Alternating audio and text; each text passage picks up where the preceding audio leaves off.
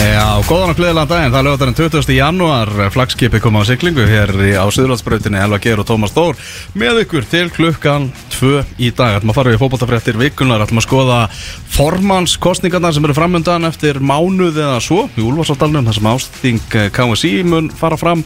Ætlum að skoða einnig hvað er að gerast í Erlenda boltanum og eh, ætlum jafnvel að reyna að ná sambandi við Lagsnes Arena þar sem að eh, strákunar okkar að fara að keppa í handbóltanum handbóltáðni hérna í, í lok þáttarins. Uh, talandi um handbólta þá dætti ég ná stöðtöfu vísi í ger Thomas og þar var verið að endur sína uh, í, í, í dagskálinu vinsælt á vísi þegar að uh, Þorbergur Aðalstensson uh, mætti í þáttinu utanvallar Það eh, fyrir þá sem að ekki sé það Ég veit ekki hvernig þið getið séð það nema að eh, horfa á Er þetta til á vísi? Já, þannig að googlið bara Þorbergur í utanvallar. Já, ok. Á, á finnið þetta Uh, þetta er sem sé í uh, eftirmáli þegar að Alfred Gíslason uh, hættir sem landslýrstjálfari og það vill enginn taka starfið. Þetta var eitt af fyrsta svona stóru málunum mínum sem hérna bladamar, þá var hérna nýg byrjaðar sem launaða bladamar á, á, á Devaf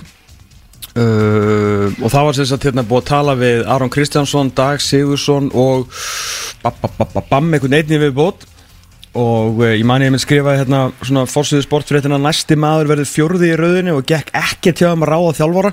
Og það var alveg rosalega vandræðilegt og Aðarstofnsson mætti hérna í, í þeirran utan allar þátt sem að var uh, fjandi góður hjá sínarmönnum á, á sínum tíma og svona eitt umræfni og svo viðtal og þetta var svona panel og þetta var, þetta var gott sko. Björn Berga múti Geir Þorsteinsum hérna nýjan þjóðafell, Já, það var líka frábær þáttur. Og allt sem að Björn Berg sagði þá er alltaf bara að það er vandrarlegt að horfa tilbaka að við höfum ekki gert neitt að þess sem hann var að benda á en það er hann mál en sem sé, já, Ívar Benediktsson stórvinnur okkar á morgunblæðinu, mætti þarna ásamt, uh, ásamt Þorbergi Artinsinni sem var þá held í formaður landslýsnefndar og það verður bara að segja staðins og er að þó að hann hafi neitað í sjálfur að þá allan að skulum við segja að hann hafi virkað eiliti framlár Já, í þættinum. Mhm. og, og hann meðal hann segir að það séu bara allir aumingjar og þó er ekki að taka af þessu starfi og enda við því að Ívar Benediktsson tekur svona róli í hendina honum og segir Þorbergur, rólegur Já. í beinni útsendingu sko. Já. þetta er geðveikt sjóman Já, og upp kom mikil umræðum það að Þorbergur hafa verið drukkin í þessum þætti Já. Nákvæmlega þætti, en að En hvað gerist? Guðmundur Guðmundsson ráðinn trilluðum okkur til Peking, silfur Já, Þannig að allt er gott sem enda vel Nákvæmlega, og tala um, tala um að enda með að áhugavert svona hvernig einmitt, uh, Þorsteinn Gunnarsson, vinnur okkar Já. sem, að, sem Bor, stýrði, Fyrir Mývarsveit Heldur Og núverandi varaborgarstjóri Já, Í heldur Reykjavík betur Borgarritari Sem er basically varaborgarstjóri. sem er það, hann hann stýrði þess að þetta og gera það afskaplega vel Mm. og, og loka orðin hann svona í þessu einslæði, það er svona vöktu aðeins aðtekli minna, ég ætla að spila það hérna segir Þorbergur byrja þakka okkur fyrir komuna. Eh, hér handan við hotnið eh, þá eh, breyðum nærmynd af Sigur Ragnar Eyjálsinni sem að þjála kvælanarslið og hann fer sínar eigin leiðir. Og eh, svo er það launamáli knastbyrnum manna á Íslandi. Eru strákarnir já, á alþingis eða jáfnvel ráðherra launum eh, fjöldum það hérna rétt og eitt eru strákarnir á ráðherra launum með 2008 Já. Svona, svona svona í ljósi þess að þetta er umræða sem er í gangi ennþá 2024 Já, við skulum ekki gleyma því að þetta er síðasta hérna, Íslandsmóti fyrir hrun sko. Já, þetta er Þannig að 2008. Þarna, þarna voru menn komnir á veruleg ráð þeirra eða við skulum segja hérna, þingmannalaun Mar, margir húrýr og uh, við erum aftur komin á, á þann stað Já, svo sannarlega Sannarlega. sannarlega.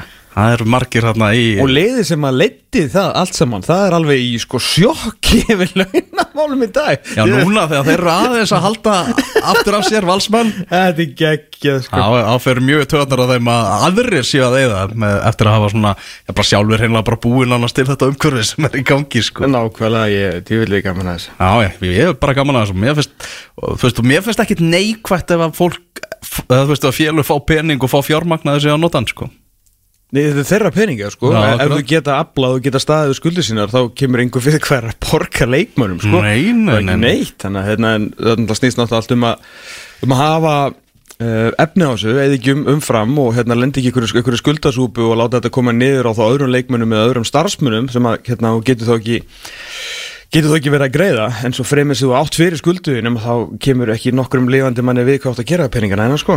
En Ná. þú veist ekki verið að skipta þá öðrum þegar svona þú Ég er svo sannarlega búin að eh, eiga stóran þátt í því að menn fá vel greitt hér á, hér á Íslandi sko. Alltaf Arnarsson ekki að fara eitthvað eitthvað viðtölu Arna Grindaðs? Já.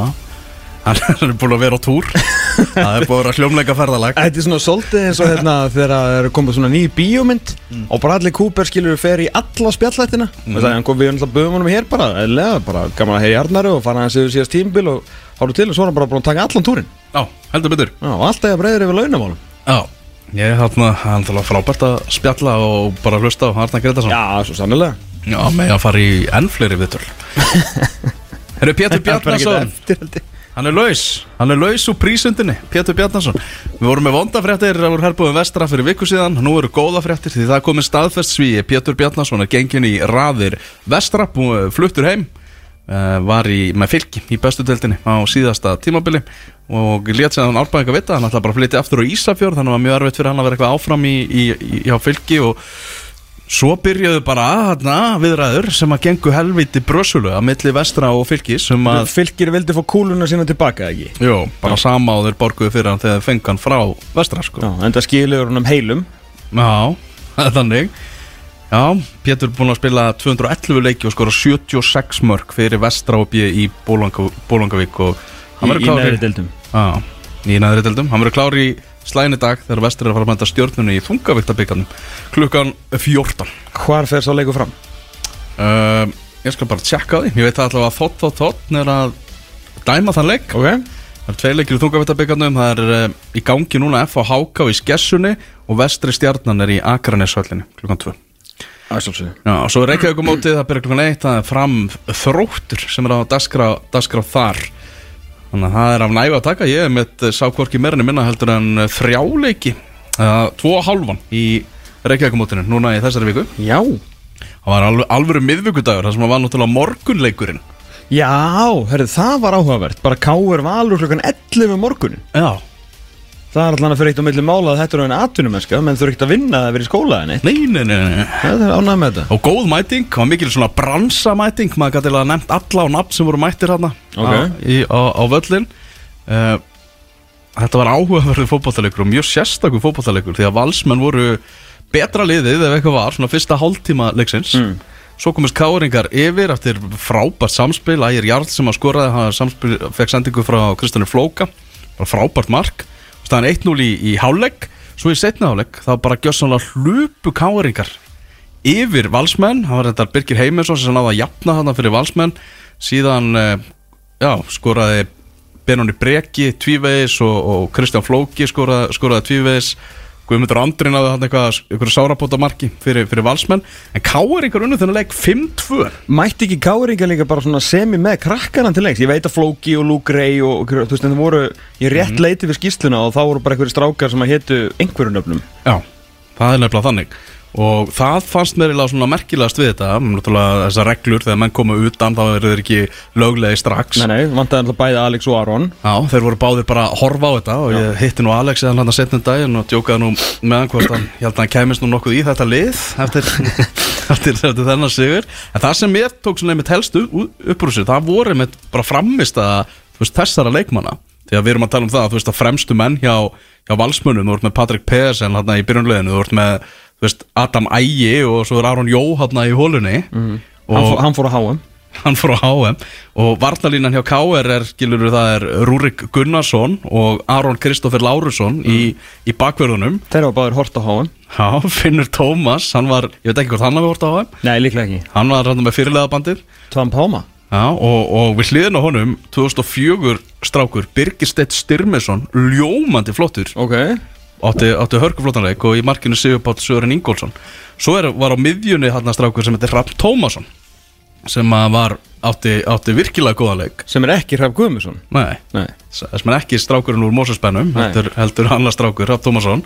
Og það sagði mér maður að já, hann hafi líka átt frábæra leik þegar káringar mættu, mættu fram og væri eiginlega bara einna betri mönnum og ekki besti leikmaðurinn bara á æf, hverja æfingu hjá kárinum þessa myndir, þessi, þessi strákur K.R. er núna búið að spila ekki tvo leiki á móti hérna, svona alvöru Reykjavíkuslægi annars verður á móti fram og hins verður á Já. móti val og uh, ef ég kann að telja sem ég kann ekki mm. uh, leggja saman þá er ég búin að skora tíu fótballmörk Já, nýju, það ekki Nýju, sko, fram fjögur tvö Já, fjögur tvö og svo tvö á móti Ok, þannig að þeir eru aðeins ennþá að leika uh, Það er allt eitthvað sem hægt er að laga En allan skora nýju mörg í fyrstu tveimur leikjunum Það er ekki, ekki amalegt og eiga Eitt stykki Aron og eitt stykki Alex inni Plús það sem á aftur vantilega að, að detta að nynn sko. Mhm. Það er allan að, sko, það verður að segjast Til þess að vitna í góðan þingmann og fyrrum reistura Á einu augabræði. Fór allt úr sko kalda kólum Í uh, Vesturbænum. Mhm. Í bara þeir eru örugglega spenntir fyrir tímbilinu heldur vikingar Já.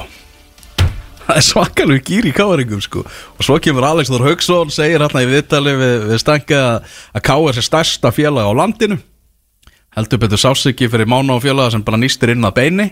Máni ekki sáttur. Var að segja að verið domgreindar brestur og hafa látið hann fá fyrirlega bandið á sínum tíma. Við getum ekki látað að fá bandi Ouch.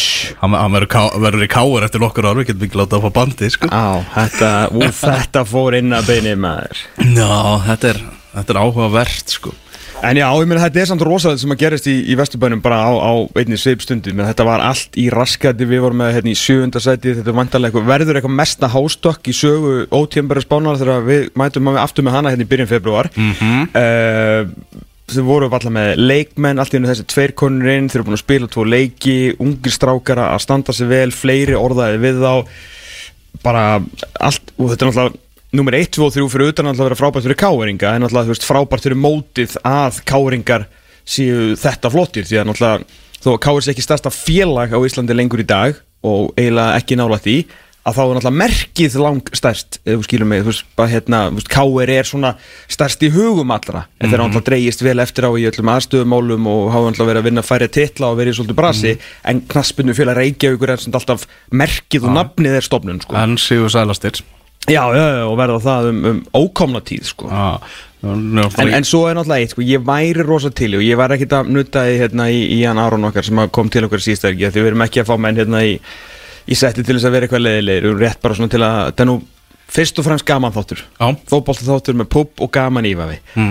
þú veist, það væri alveg fínt að menn myndu segja og jú, auðvitað fæ ég vel greitt fyrir mín störf að það vita alveg allir af hverju þeir eru að velja káir það er ekki, þú veist, Aron eins og við erum oft búin að tala um þetta domino-effekt vissulega, ég trúi alveg að, að Greg hafi selt honum pælingarnar og hann eh, fær tækifæri til þess að hérna, þetta er eins og þú fer í Manchester United í dag mm. mæntalega er söluraðan alltaf þú getur orðið góðurinn sem að hérna, rýfur United aftur upp, veist, þegar er United eru góðir, þú veist, Gary Neville alltaf að segja þetta það er engin staður, það er ekkit lið betra að spila fyrir en United þeirra gengur vel Mhm. En auðvitað er líka bara káur að bjóða meir en hinn, skilur já Þú veist, og bara allt í lagi að segja að þetta er náttúrulega svona smá svona örlíti leikrit að vera alltaf að segja hérna, að þetta sé stærsta félagið og maður langar að gera vel fyrir káir þegar þú ert ekki svona úr káir Þannig svo við segjum, ég held að þetta segir launatölur þessar leikmanna mun ekki sjást á bókaldi félagsins þegar að það að kemur. Nei, flugöldasalan Flugveldasalan. Já, þannig að hver er K.R. það er það ef að það væri Guðlur Viktor eða eitthvað. Skoða Andrós Townsend Já, András Townsend í K.R. Mm. Ég meina, þú veist, þegar þú eru búnir með að reyna við þessa Íslandinga sem eru lausir meina, þá hljóta þær að kíkja brút Já, já, ég meina eins og segja, þeir fara eina, eina tvær hillur upp á, á þeim markaði með fjármagnir sem er að streyma þetta inn núna en það er náttúrulega, þeir eru ennþá hérna, eftir að finna Marku Örð mm. uh, eru að græja það, þeir eru náttúrulega hjút sem myndir ná augmundi ef hann hefur eitthvað áhuga á að koma heim Ég heyrði að þeir væri búinir að eh, ræða væri að ég var búin að spjalla við eh, Guy Smith Gísmið, ok, Já. Ná, það, þú veist, það er allan uppgrið frá því sem voru með í markinu mm. þá þurfa að hafa ekkert heila með þetta sérstaklega síðustu, síðustu tvö ára, þá er þetta klálega uppgrið á, á það sem þeir eru með í, í markinu í dag. Uh, ba- ba- bam, hvað er, hérna, hvað er meira? Jónatan verðist það, hérna, við, kannski við voru ekkert að reyna við hann, ég veit ekki, hann allan að mm. leiðin í vali eða að vera bara áfram úti? Það kom fyrir náttúrulega með Ara Leifsson Ari Leifsson, já, sem, já. sem er búin að yfirgefa strömskottsett við, sko, við, við vitum ekki þetta, við getum bara getum bara sleiði í föstu að Káur er pottet búið að reyna við hann Já, tekur allavega, tekur samtalið. Já, það er alveg klart mál en Það væri leikmaður fyrir káar að taka. Þá vantar alveg sárlega eitthvað svona dominerandi hafsend. Já, það var náttúrulega þorra blót hjá Káur um síðustu elgi og ég heyrði það að þar hafi verið eitthvað að vera umræð um Áspjöld Þórðarsson á, á heimlið. Það hefur verið spjallið þarna milli manna. Já. Uh, Þannig að það er ímislegt að gerast hjá, hjá Káur uh, Guðlaus Viktor sagan, er hún ekki anþá á lífi? Ég hef ekki ennþá heyrt hann Nefnum bara hérna hjá þú veist, Eitthvað stæðar bara í, heiminkvalvinu sko. Já. Ég hef ekki heyrt þessi eitthvað á bakvið þetta. Nei, en, en skemmtileg saga. Þannig að Ólaf Öbbi, hann er farinn staðfest, fór til lið sem heitir Kelsas í norsku sétildina Já, ég held að segja ímislegt um hérna þessi kaup, eða kaup má kalla þennan Norska liðin, hún gekk ekki. Nei, að, þessi aðstóðþjálfur er eflust hérna ljómandi fítn og, og flottur hann Óli Martin sem mætti þarna en hans rekrútment á þessum tveimur normunum ekkert minna heldur en ömurlegt hræðilegur markverður og jafnvel, sko, af því að hann átti svona nokkra ágæta leiki Kellevold, sko, að þá ætla ég að núna, hvaða dagur er dag 20. jan eða eitthvað, að slá því fyrstu að Ólaf Öbbi hefur verið verri. Já, hann, ve- þú sko, Kellevold kostaði kannski meira af því hann er í markinu, þú veist, last line of defense en Öbbi er lélega leikmaður. Hann er eitt sá lélegasti deild. Það var mjög daburt alveg hræðilegu Já. leikmaður. Og, og það segir líka að hann fær ekki svona liðin á sko bjöldinni sko. Við óskomunum eins var allsins best já, já, eflust, ljómandi fyrir strákur en bara rosalega dabur fótballsamaður Já, eru Rúlam á Sigurjónsson hann er í umræðinni hefur rift samningi sínum við Voluntari í Rúmeníu þannig að helst orðað við Ía og Val. Ég var að heyra það að hann hefði farið í aðgerð og nára og verið frá í einhverja mánuði jafnvel sko. já, eins góður leikmaður og hann er þá svona, hann er einhvern veginn orðið svo mikið svona Já, Það maður hefur séð svo lítið á honum Náttúrulega ekki að spila en maður sá hann svona við og viðmannstu í, í svona þessum janúarlandsleikjum og því um líkt. Mm. uh, hann hefur bara verið í felum undanfærin Já, búin að vera svona alltaf bara, í- maður sé lítið á rúmenska boltanum nema þegar hann gerir vel, þú veist þá sér maður á Twitter eitthvað mörk og hann verið svona alveg geta sparkaði boltan og guð mig góður og við vitum alveg hvað hann getur en svona, þú veist þetta flakka á honum, þú veist þessi meðsli núna, er hann fyrir aðgerið eða er hann bara frá? Ég er að maður búin að í aðgerð. Búin að fyrir aðgerið og jafna sig. Já, hann er pottjett að sækjast eftir mjög hálunarselli því að Rúna Mára á að geta fá neitt minna borga heldur þessi strákar sem er að koma hérna heim. Ég er svona með og líka aldurinn og svona þetta er allt þetta hljómar einhvern veginn svona meira eins og skæin muni taka þennan séðans heldur en, heldur en valur sko. sammála. Ég til líklegast að hann fari í Ía Já, Þannig að Pétur Knudsen Svonur Jens Martin Knudsen var orðað mikið við FH hérna fyrir síðasta tímabil uh, var hjá Lingby, þessi, þessi færiski strákur. Nú er spurning hvort að FH-ungar sé að fara endur nýja áhugan á honum því hann er laus uh, hafnaði FH og fór fyrir árið síðan og fór uh, gerði stuttan samning í bandaríkjunum við lið sem er í bandarísku B-deldinni eins og þetta er einhvern veginn flokkað í, í Texas. Já. spilaði þar eitt tímabil en hann er bara samningslis núna, ég las í viðtali við Info í Færium þar sem að hann sagði að uh, já, það sem hefur öll stærstu félögin í Færium þar sem að Klaksvík og, þarna, og HB vilja fá hann og Vikingur í götu já, er hann góður? eða? já, Er, er hann landsleismæða að færa það? já Ok, hann er í, í landsleisopnum og þetta er gauður sem var bara svona þú veist að koma inn á bekknum hjá Lyngby ok, hvað spilar hann? hann er sóknarmæður, Ok, framherri já þetta er bara strækir já, svona, getur spilað líka á, á, á kantinum sko. Já, semst eins og allir leikmenn. Já, já.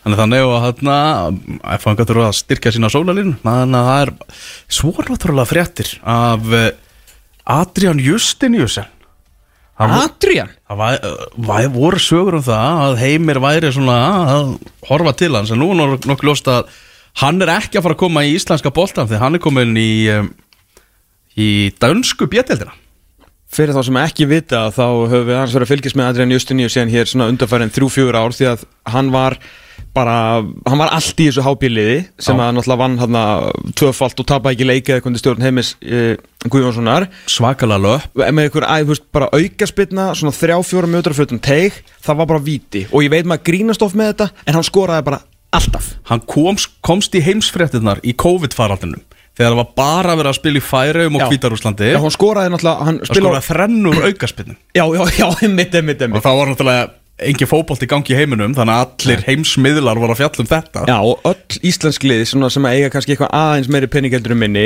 fóru bara að gengu hurði í hurð að sapna einhverjum COVID-krónum til þess að reyna að gera honum tilbúð en máli er enn ekki flugrættur eða Já, ég heyrði að hann var búin að fara í eitthvað svona fór í eitthvað svona námskeið. Eitthvað Dáleðslu Já, þannig að nú hefur hann búin að signast af flugræslinni En fór hann bara úr HB í dönsku B eða? Já, Hann tók aldrei neitt skref, hann var bara heima að þetta er svolítið færeist já, já Er þið rosa heimakærir? Já, Ég hitt hann og loka hói hápja fyrir nokkrum árum og var eitthvað svona að spyrja hann og hann var ekki eins og hann var eitthvað þystur að fara út vegna þess að hann var í einhverju námi að læra rafvirkjan eða eitthvað alveg sko. Það var bara eins og segir rosalega færist sko. Já, já bara þeim líður vel heima hjá sér Byrju, en hérna, er hann að spila núna í dönsku B? hann er bara nýkengin í ræði þeirra Já, ok, þannig að FO er ekkit vantilega að fara að fá hann á þess ári. En, bara skemmtileg frétt, við vorum með að tala um Pétur Knudsen sko. Þeir eru frétt náttúrulega um uh, uh, Grindavík. Má ég bakka aðeins í káir að þú káir. bara eitt þarna að því að hérna, það var svona smá stengið mér. Já, að hérna já, smá stakki hérna að að Benunni Breki skúraði Já, verður hann bara með káir í sumar? Það held ég hann fór bara úr því að fá einhverja flotta sölu í Gautaborg það veit enginn ennþá hvað gerist þar. Mm. og er það bara ölliðin hætt við? Er að hann er alveg jafn góðu leikmaður sko. Já, já, hann er allavega ekkert í umræðinu núna eitthvað Nei, sem er alltaf frábært fyrir deildina og enn betra fyrir KR en bara sk- skrítið. Já, kannski svona meira spennandi núna allavega að taka eitt tímabili viðbót með káir 100% sko. Já, en það En hvernig virkar hann og Flóki sama frammi? Búið að fara hann á kantinu? hann kom inn á í, í þessum leik sko. Ok, ok. Já, þannig að ég veit það ekki kannski, kannski er hann það getur pottit einhverja þreyfingar ennþá út, úti sko. Þannig að Ég ætla ekki að staðfesta það neitt að Benóni verði þarna áfram sko. Nei. En þá er við á laugadalsvöll þar sem allt stemnir í það að Grindavík verði á laugadalsvölli Já. Og eins og stundum með Grindavíkur voru eins og krækibur í helviti hérna í gömlu stúkunni á, á Grindavíkuvelli sko. Þá verður þetta ennþá meira á, á laugadalsvöllinu mm En allan verður þá sko geta huggað sér það að þetta eru sömu sætin Ef Já. þeir, ef þeir setja í sína stúkunni, það er að segja. Þeir fengur alltaf gömlu sætin. Þar ef ég maður rétt, allan einhvern hluta af þeim sko. Já, það er úr sömu pöntun eða eitthvað sko. Já, já, er eitthvað, eitthvað þannig sko. Já. Þau eru allan alveg, alveg eins. Æfa, munur æfa líka á lögðsvöllinu með það? Það er búin að vera að æfa, las ég, held að vera MBL, það er búin að æfa bara allt, Altanesi mm. og í miðgarði hjá stjórnunni. Já, þetta er náttúrulega ótrúlega sorglegt nummer 1, 2 og 3 en verður mjög áhugavert að sjá hvað gerist í framhaldinu því ef að Grindavík verður ekki lengur bær. Þú veist, ef að ákvörðum verður tekin eða hvort sem hún verður sameileg eða bara ríkistjórnin nýtir þetta vald sem að ég mjög að tjáðum daginn hún hefði bara til þess að loka bænum og bara þú veist að Grindavík verði ei til, bara ei meir. Mm -hmm. að ungmennafélag Grindavíkur er það, þú veist, þá er það bara búið. Já, menn þá fyrir náttúrulega fólk bara á víð og dreif. Þetta er náttúrulega öðruvið sem íþróttaband eða sérst Þór og Tí skilur sem urðu síðan íþróttabandalega Vestmanni að það var náttúrulega áfram byggð í Vestmanni menn ef að Grindavík verður bara þú veist, Lavatown Æsland eitthvað turistatraksjón sko, það mun ekki búa þar. Mm. og þá náttúrulega ungmennafélag er ekki hérna enga undirstofa fyrir því að að ungmennafélag Grindavík verði áfram til. Þannig að veist, það mun þá bara leggjast af. Já, þetta er, þetta er rosalega viðkvæm umræða og Nei, meina, veist, er bara- erfitt hlustunar fyrir grindvikinga bara að- að heyra þið vera að segja þetta. Nei, mér finnst það- þetta er bara vantalega raunverulegu möguleiki af því að fólk mun þá bara fara ef það þarf að segja, ef það verður ekki byggð ný Grindavík maður hefur heyrt að vera reyna að finna ykkur svæði bara fyrir heilan nýja bæ sem er náttúrulega mjög áhugaverð verkefni. Já. en náttúrulega ef að hérna, íbúa Grindavíkur verða bara raknir á heimilu sinum út af, út af hérna, þessari jörsefi sem einhver abaköftur á fornöldum ákvað að búa hérna með náttúrulega með lífsins ólíkindum. Já, að hérna hér á bara að vera veður átöðunastuð og eitthvað já, já, og við hefum öll að vera ekki starf á tenir Ah, já, þetta, þá náttúrulega bara aukar, eh, hérna verður náttúrulega eikst ytkandafjöldin í öðrum félögum en þetta er náttúrulega, þetta er rosalegt ef að þetta sögufræða félag þá náttúrulega sérstaklega í körfubólta Já. nummer 1, 2 og 3 bara lognast út af sko. Nýkonu með þetta hús og, og bara með alla þessa ég er með íþrótta- fótboltahús og fjöln og sko fjölnunda íþróttahús er ónýtt. Já, Svakaleg, svakaleg að íþróttaaðstaða. ertu búin að sjá sprungunni í gegnum hérna, gamla völlin það sem Nei. að Þóraðin bjargaði þeim á sín tíma? Nei, það er bara, er bara ská lína bara beint í gegn. Rosalegt að sjá þetta sko. Rosalegt. Já, þetta er, þetta er reikalegt sko. Heyrðu, já, já, við vorum aðeins að tala um Reykjavíkumótið uh, áðan. Uh, hann var sæðan leikur um kvöldið í uh, kuldanum á Dómus Nóavellinum í Efra Breiðolti ánað með það að voru, voru túristar, svona fótboltatúristar að mæta, það var bæði uh, breskir feðgar og svo eitthvað uh, bandarísk hjón eða eitthvað sem að voru bara mætt á leiknisvöllin í Reykjavíkumótið sko já, voru bara hérna á landinu og bara kíkja á fótbolta sko. Bjuggust reyndar held ég við vissi ekki alveg að Reykjavík móti verið þannig að það er bara kveikt á flóðljósum og bolta kastað inn á.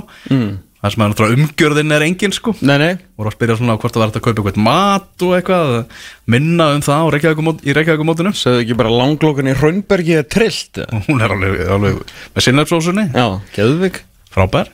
En uh, það var breiðholt slagur leiknir í er uh, lið sem var náttúrulega saman í lengjudeldinni þar sem að ég er einhver fóru upp og múr var heldur betur fjöru leikur sem endaði leiknir þrjú í er fimm. Og uh, rautspjald einnig á, á loft í, í þeim leik mikill marka leikur þar sem að Íringar höfðu betur búin að vinna leikni núna tvisvar á undirbúrstíðabunnu líka í minningaleiknum um daginn. Var minn maður so good they named him twice með fyrirleðbandi inn á það? Alexander Kostic Hann var inn á hann ekki með fyrirlafbandi því að eh, Mark, Mark Mark Osland er eh, bara sóttur sem nýr fyrirlið í Íringar sko. Ok, það er maður að fara yfir þetta mándaginn Alexander Kostic var inn á en Mark Mark Osland með, með bandið. Ok. En uh, já, bara sko, gjafirnar sem að mínir menn gáfu í þessum leik. Guð mig góður sko. Bara, að- ég hef aldrei séð jafn mikið gjafa stuð á einu fótballtalið eins og leiknisliðinu í þessum leik sko. Það sem að Þú þú ekki séð marki, setna marki sem að vikingandi gáðu í ringum með það Nei, mm. þetta voru bara öll mörkin sko. Já, ég skilji, ég skilji Viktor Freyr í, í markinu hann var í miklu gjafastuði og Patrik Grini Vekki líka þetta var, En- var ótrúlega að fylgjast með þessu en maður þakka fyrir að það sé janúar Það er ekki betra því að í fyrra þá gáfu þið svona 27 mörg í fyrstu svona áttaleikjunum Já. Árinu loksins byrjaði að spila fótbolta og komið ykkur í umspilið Mhm. Ekki betra að gera þetta svona janúar til mass það er betra. Það ekki? Jó, ég vona að við séum að klára kvótan Já. ég vona að þetta sé ekki bara upphafið að einhverju Nei, nei, sko. það væri það er svakalegt að horfa á þetta. En eins og segi, það er janúar og sama er náttúrulega með, þú veist Val Káir, þá þurfa að Káir hafi verið að rúla hann við valsmenn, maður veit ekki hvernig æfingaprogrammið er hjá valsmennu þessa dagana og, og allt það. Já, en elsta fréttin í bransanum menn alltaf hérna, sko, í Víkinni þar sem að Íringar voru heimsókn hjá Víkingum mm. að því við vorum í þættinum að tala um að það var alveg klárt að Óskarun Hauksson myndi spila eitthvað byggarleik og koma eitthvað við sögu. Já. svona og læði upp. Skoraði og svona lagði. klukkutíma eftir vorum að tala um þetta. Hann er bara að fara að byrja í bestu Ég sé ekkert annað í stuðinni Já, það er allan ég held að sérlega morgunljóst að styrta þjálfarinn verði með hlutverk hérna Já, það er svo leis Þannig að ég horfði á fyriráleikir síðan hjá þínum mönnum þegar að þið og Já, það var nóg. Mál var ég svona ákvað bara að setja þennan leik á og vera með bara í, í tölvunni hérna handbóltan ég, bara, ég hugsaði bara, ég nenni ekki að vera að svekja mig meira á þessum handbólta kíkjum aðeins bara á hérna hvernig vikingarnir eru að lúka og svona. 4-0 í háleik Daniel Dejan Djuric með eh, tvö mörg Ísli Gottskálska eitt og Helgi Guðjónsson með eitt. Það var bara gæða munurinn sem að þarna vó bakka mun. Bara vikingar skoruð úr fyrstu sóksinni mm. fjölunismenn voru svona ákafir fyrstu mínútunar svo bara einn sókn á viking og staðan orðin 1-0 Já, góð mörk líka. Djuric markið hérna, Seinna. Setna, Já. gisti gott gálk með, með, frumufleg með þrösu dundru hérna í, í þagnetið Ég var rosalega til að Gísli Góðskált myndi svona vaksa í, í, í skóna sína og treyjuna í, í sumar. Fá aðeins fleiri mínútur og sína hvað hann getur sko. þetta, er, þetta er svona framtíðagæði sem er að selja. Ríkalega öfluguleik maður hann er það, hann er það. Þannig að það er eh, og náttúrulega litli prinsinn Ari Sigur Pálsson. Já, unplayable á hæri vagnum sko. mhm. það er bara þannig. Hann var að búa til. Já, svo veit ég ekki hvað gerist þarna í þessum setnáleik ég fór- hann nefnilega gerir alla hluti Já. eins og Gaubi segði alltaf. Bókstálega og þetta er ekki, veist, þetta er ekki grín. Hann, ger, þú veist, hann ógnar með hraðar sínum og krafti. Hann gerir það. Það, þetta er einn af þeim sko. já, já, og er í miklu uppáhaldi hjá þér. Já, já, og fleiri já, já, skiljalega Stór, góður fótboltamæður Er já, þú varst að tala um þarna Jónatan Inga, að tala um það að eh, Já, Dóttur fútboll tala um það ekki gæra að, að hann sé á leiðinni í, í val. Uh, Það er alveg möguleiki. Hann endi þar en uh, svo kom fréttina.net að þetta var ekki frágengið En það er eitthvað Hann er að, hann er að líta í kringum sig Hann, hann Jónatan. Hann, hann sem sé þyrstir ekki kannski jafn mikið að koma heim og aðra. Þú veist, það er þá bara svona Það er, hann er, þú veist, búin að hafna ykkur um erlendum félugum og það eru ykkur hann langar að vera úti, hann er ekkert að leitast eftir hérna íslenska seðlinum. Mm. En þetta er allan að góðu möguleiki fyrir hann ef hann kemur heim það þá valur. En maður er svona að skilja það rétt að hann vilji samt vera áfram í elitinni Já, ég er svona að skil það, hann sé allavega opið fyrir því, hann sé bara að vilja skoða allt sko. Já, ok. En það er allavega því, þú veist, það er ekkert talað um FH hana þannig að uppbyldisfélagið er vantilega átt Já, ég held að gíska að þeir séu ekki Já. að keppa hérna í sömu deild með, hérna með launin og elitserien og valur. Já, maður hefur á tilfinninguna að Valur verði niðurstaðan að vera að spila hér á landi. Já. Þeir eru ekki búin að spara svo vel, þeir eru búin að vera svo duglegir að segja nei Svona að vera að halda sér höndum og með skynsama rekstur sko. Já þeir hafa ekki verið að láta veiða sig eitthvað eitthva, eitthva rugl sko. Nei, það var ekki gert Mér finnst þetta einmitt svolítið gaman hvernig svona, veist, þeir hafa svolítið verið að dreifast þessi bitar sem er að koma heim sko. Já, var einmitt punktur sem ég, var ekki búin að skrifa hjá mér en ég var búin að skrifa hjá mér svona í heilanum að Ah. þetta er nefnilega þannig þetta, þetta raðaðist ekkert einhvern veginn allt í val eða allt í viking þú veist, Valdimar í viking, Jónatan mögulega í val, Aron Bjarnar í breyðablík Aron og Alexi Káir en þeir þurftu líka fleiri fótboltakalla heldur en, heldur en hinlegin sem var að, var að telja upp. Uh, já, Ví- það- Víkingarnir náttúrulega bara fljótir að ganga frá sínum málum og hafa bara verið svona áhorfendur að þessu, þessar atbyrðarráð sem hefur verið í gangi í síðustu vikur síðan. Já, eini maðurinn sem ég veit að það var svona hugsaðum var Jónatan. Já, svona bara svona, en þá er ég meina eigum við að taka hann sérstaklega í ljósið þess að að bytti fór, en auðvitað Valdimar kom inn og Ari Sigurpólsson vonandi að stígu upp, ef hann er heill, ég ætla ekki að segja verið svo nýr leikmaður því hann spilaði þetta fullt sérstaklega setni hlutan á síðustu leiti en ef hann er klár sem starter frá fyrsta leik þá svona kannski er bara svona overcrowding að vera að, vera að fá okkur inn. Líka hérna, auðvitað vikingsliði orðið, orðið mjög dýrt það segir sjálft að, hérna, að þeir leikmenn sem hafa verið þarna lengi er alltaf að vera svona stig hækkandi og svo vera að taka atvinnum en heim. Þannig að menn þurfa líka að passa sig bara eins og heimi Gunnlaugs formaður sagði fyrir síðustu leiktíð þannig uppbytunum þetta bestumarkana að bara ef, það hefði ekki náða Evrópusæti hefði bara þurft að endurskipulegja reksturinn fyrir þetta tímbil mm veist, til að það lifandi slukku enda þetta í tvennu og, og gekk mjög vel. En þannig að það, er, það getur nefnilega verið stutt á milli þessu ef þú ferða aðeins að, að rapa eitthvað neður töflulega ef allt fyrir raskat sko. þannig að menn þurfa að vera svolítið skynnsamur og mér sýnir svona flest liðin vera það. Já, það er reyna þannig sko. Það er, maður lætur sér dreyma um það að það verði jafnvel svakalegur öfri hluti í bestu deildinni næsta sumar. Ég held að það er ekkert annað að vera hægt sko. Mér sýnist það sko. Vikingandi verða ekki jafn, ekki jafn, jafn ævintýrlega öflugir án bytta og loga, það bara segir sér sjálf þeir verða góðir, ég held að, verða þéttir massi, geta skora, þeir verða rosalega öflugir ef allt er eðlilegt með, með veist, besta þjálfarinn í deildinu og allt það. Mm. Gauja samt fari, þú veist, það er, það er ekkert búið að tala um það skilu, hver er munun á Óskar og Gauja? Já, Þú veist, við tala um bara gæði sem búin að vera þú veist, 20 ári í fæinu og Aron Sig bara hérna, þú veist, tala um hvernig hann hérna, ólst upp með honum og hann þurfa búin að vera lengi hjá honum og meðan Óskar er bara nýri í þessu. Þú veist, þetta er spennandi en samt. Mm. svo náttúrulega, þú veist, valsmennir voru frábæra á síðustu leiktíð, víslasmeistarar á all, öllum öðrum leiktíð með þessar drauma leiktíð, þú veist, hérna Vikings bleikalegið, sumulegið, það verður ekkert verra ég veit að þeir eru eitthvað aðeins búin að missa en þeir eru líka búin að vera að fá, káurlið verður miklu sterkara FO er bara að taka hérna að skrifa upp á við stjarnan, ég meina, var bara besta lið í Íslandi síðustu tíum fyrir hérna, sko. Já, já. En heyrist ekkert í, úr Garðabænum? Nei, rólegt þar. Já, þau fengur sér Martin svakalig samkjöndum markmannstöðuna Rósenlörð náttúrulega mættur í samkjöndni við, við Árna Snæ. Já, mér finnst þetta mjög flott múfjum hérna, í ljósi þess að að sko þegar að, að við rósum átna mikið á síðustu leiti og hann átti ekki neitt annað skilið þegar hann var algjörlega frábær, hans besta leiti á ferðlirum hans næst besta leiti var náttúrulega í raun og veru eiginlega frumrönnast í deildinni þegar allir voru bara wow, hver er þetta, bara nýr Þórður Þórðar hérna mættur á, á skaganum, loksist þeir þeir konir aftur með, með alvöru markvörð. En síðan var náttúrulega ekkert mikið meira en það og síðan var hann bara einhvern veginn að hjakka svo í sama farinu, missa sæti, meiðas, koma aftur inn var ekkert sérstakur, reyf sig einhvern veginn í gang hjá stjórnunni, var algjörlega frábær.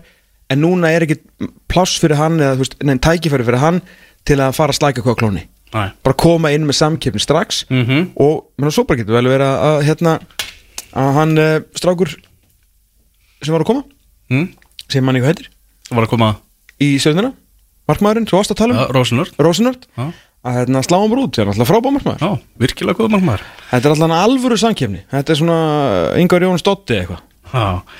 Er þetta tíðindi úr skessunni FH2, HK3 já, byrju Háká tapaði Hákáingar sem að þeir töpu, ég hlustaði hérna aðeins á, á guðlarspeldi í vikunni og þá var Maggi Mattildi að segja að Háká er tapað 5-1 fyrir Keflæk og 4-0 eftir 20 minnur eða Já, það lítur ekkert vel út hjá, hefur ekki litið vel út hjá Hákvæðingu núna en en, þetta er alltaf fint en þeir eru að vinna FH Það verður áhugaverð, ótíma bara spái nýja sem að við verðum með í byrjun februar Spurning líka, spurning sér með, með káamenn Hallgrimur Jónasson var í vittali núna í vikunni og það er annar tótni honum núna heldur en fyrir ári síðan Nú er hann spá Íslandsmestara tillinu með það Hann er, nei, hann er passífur núna sko.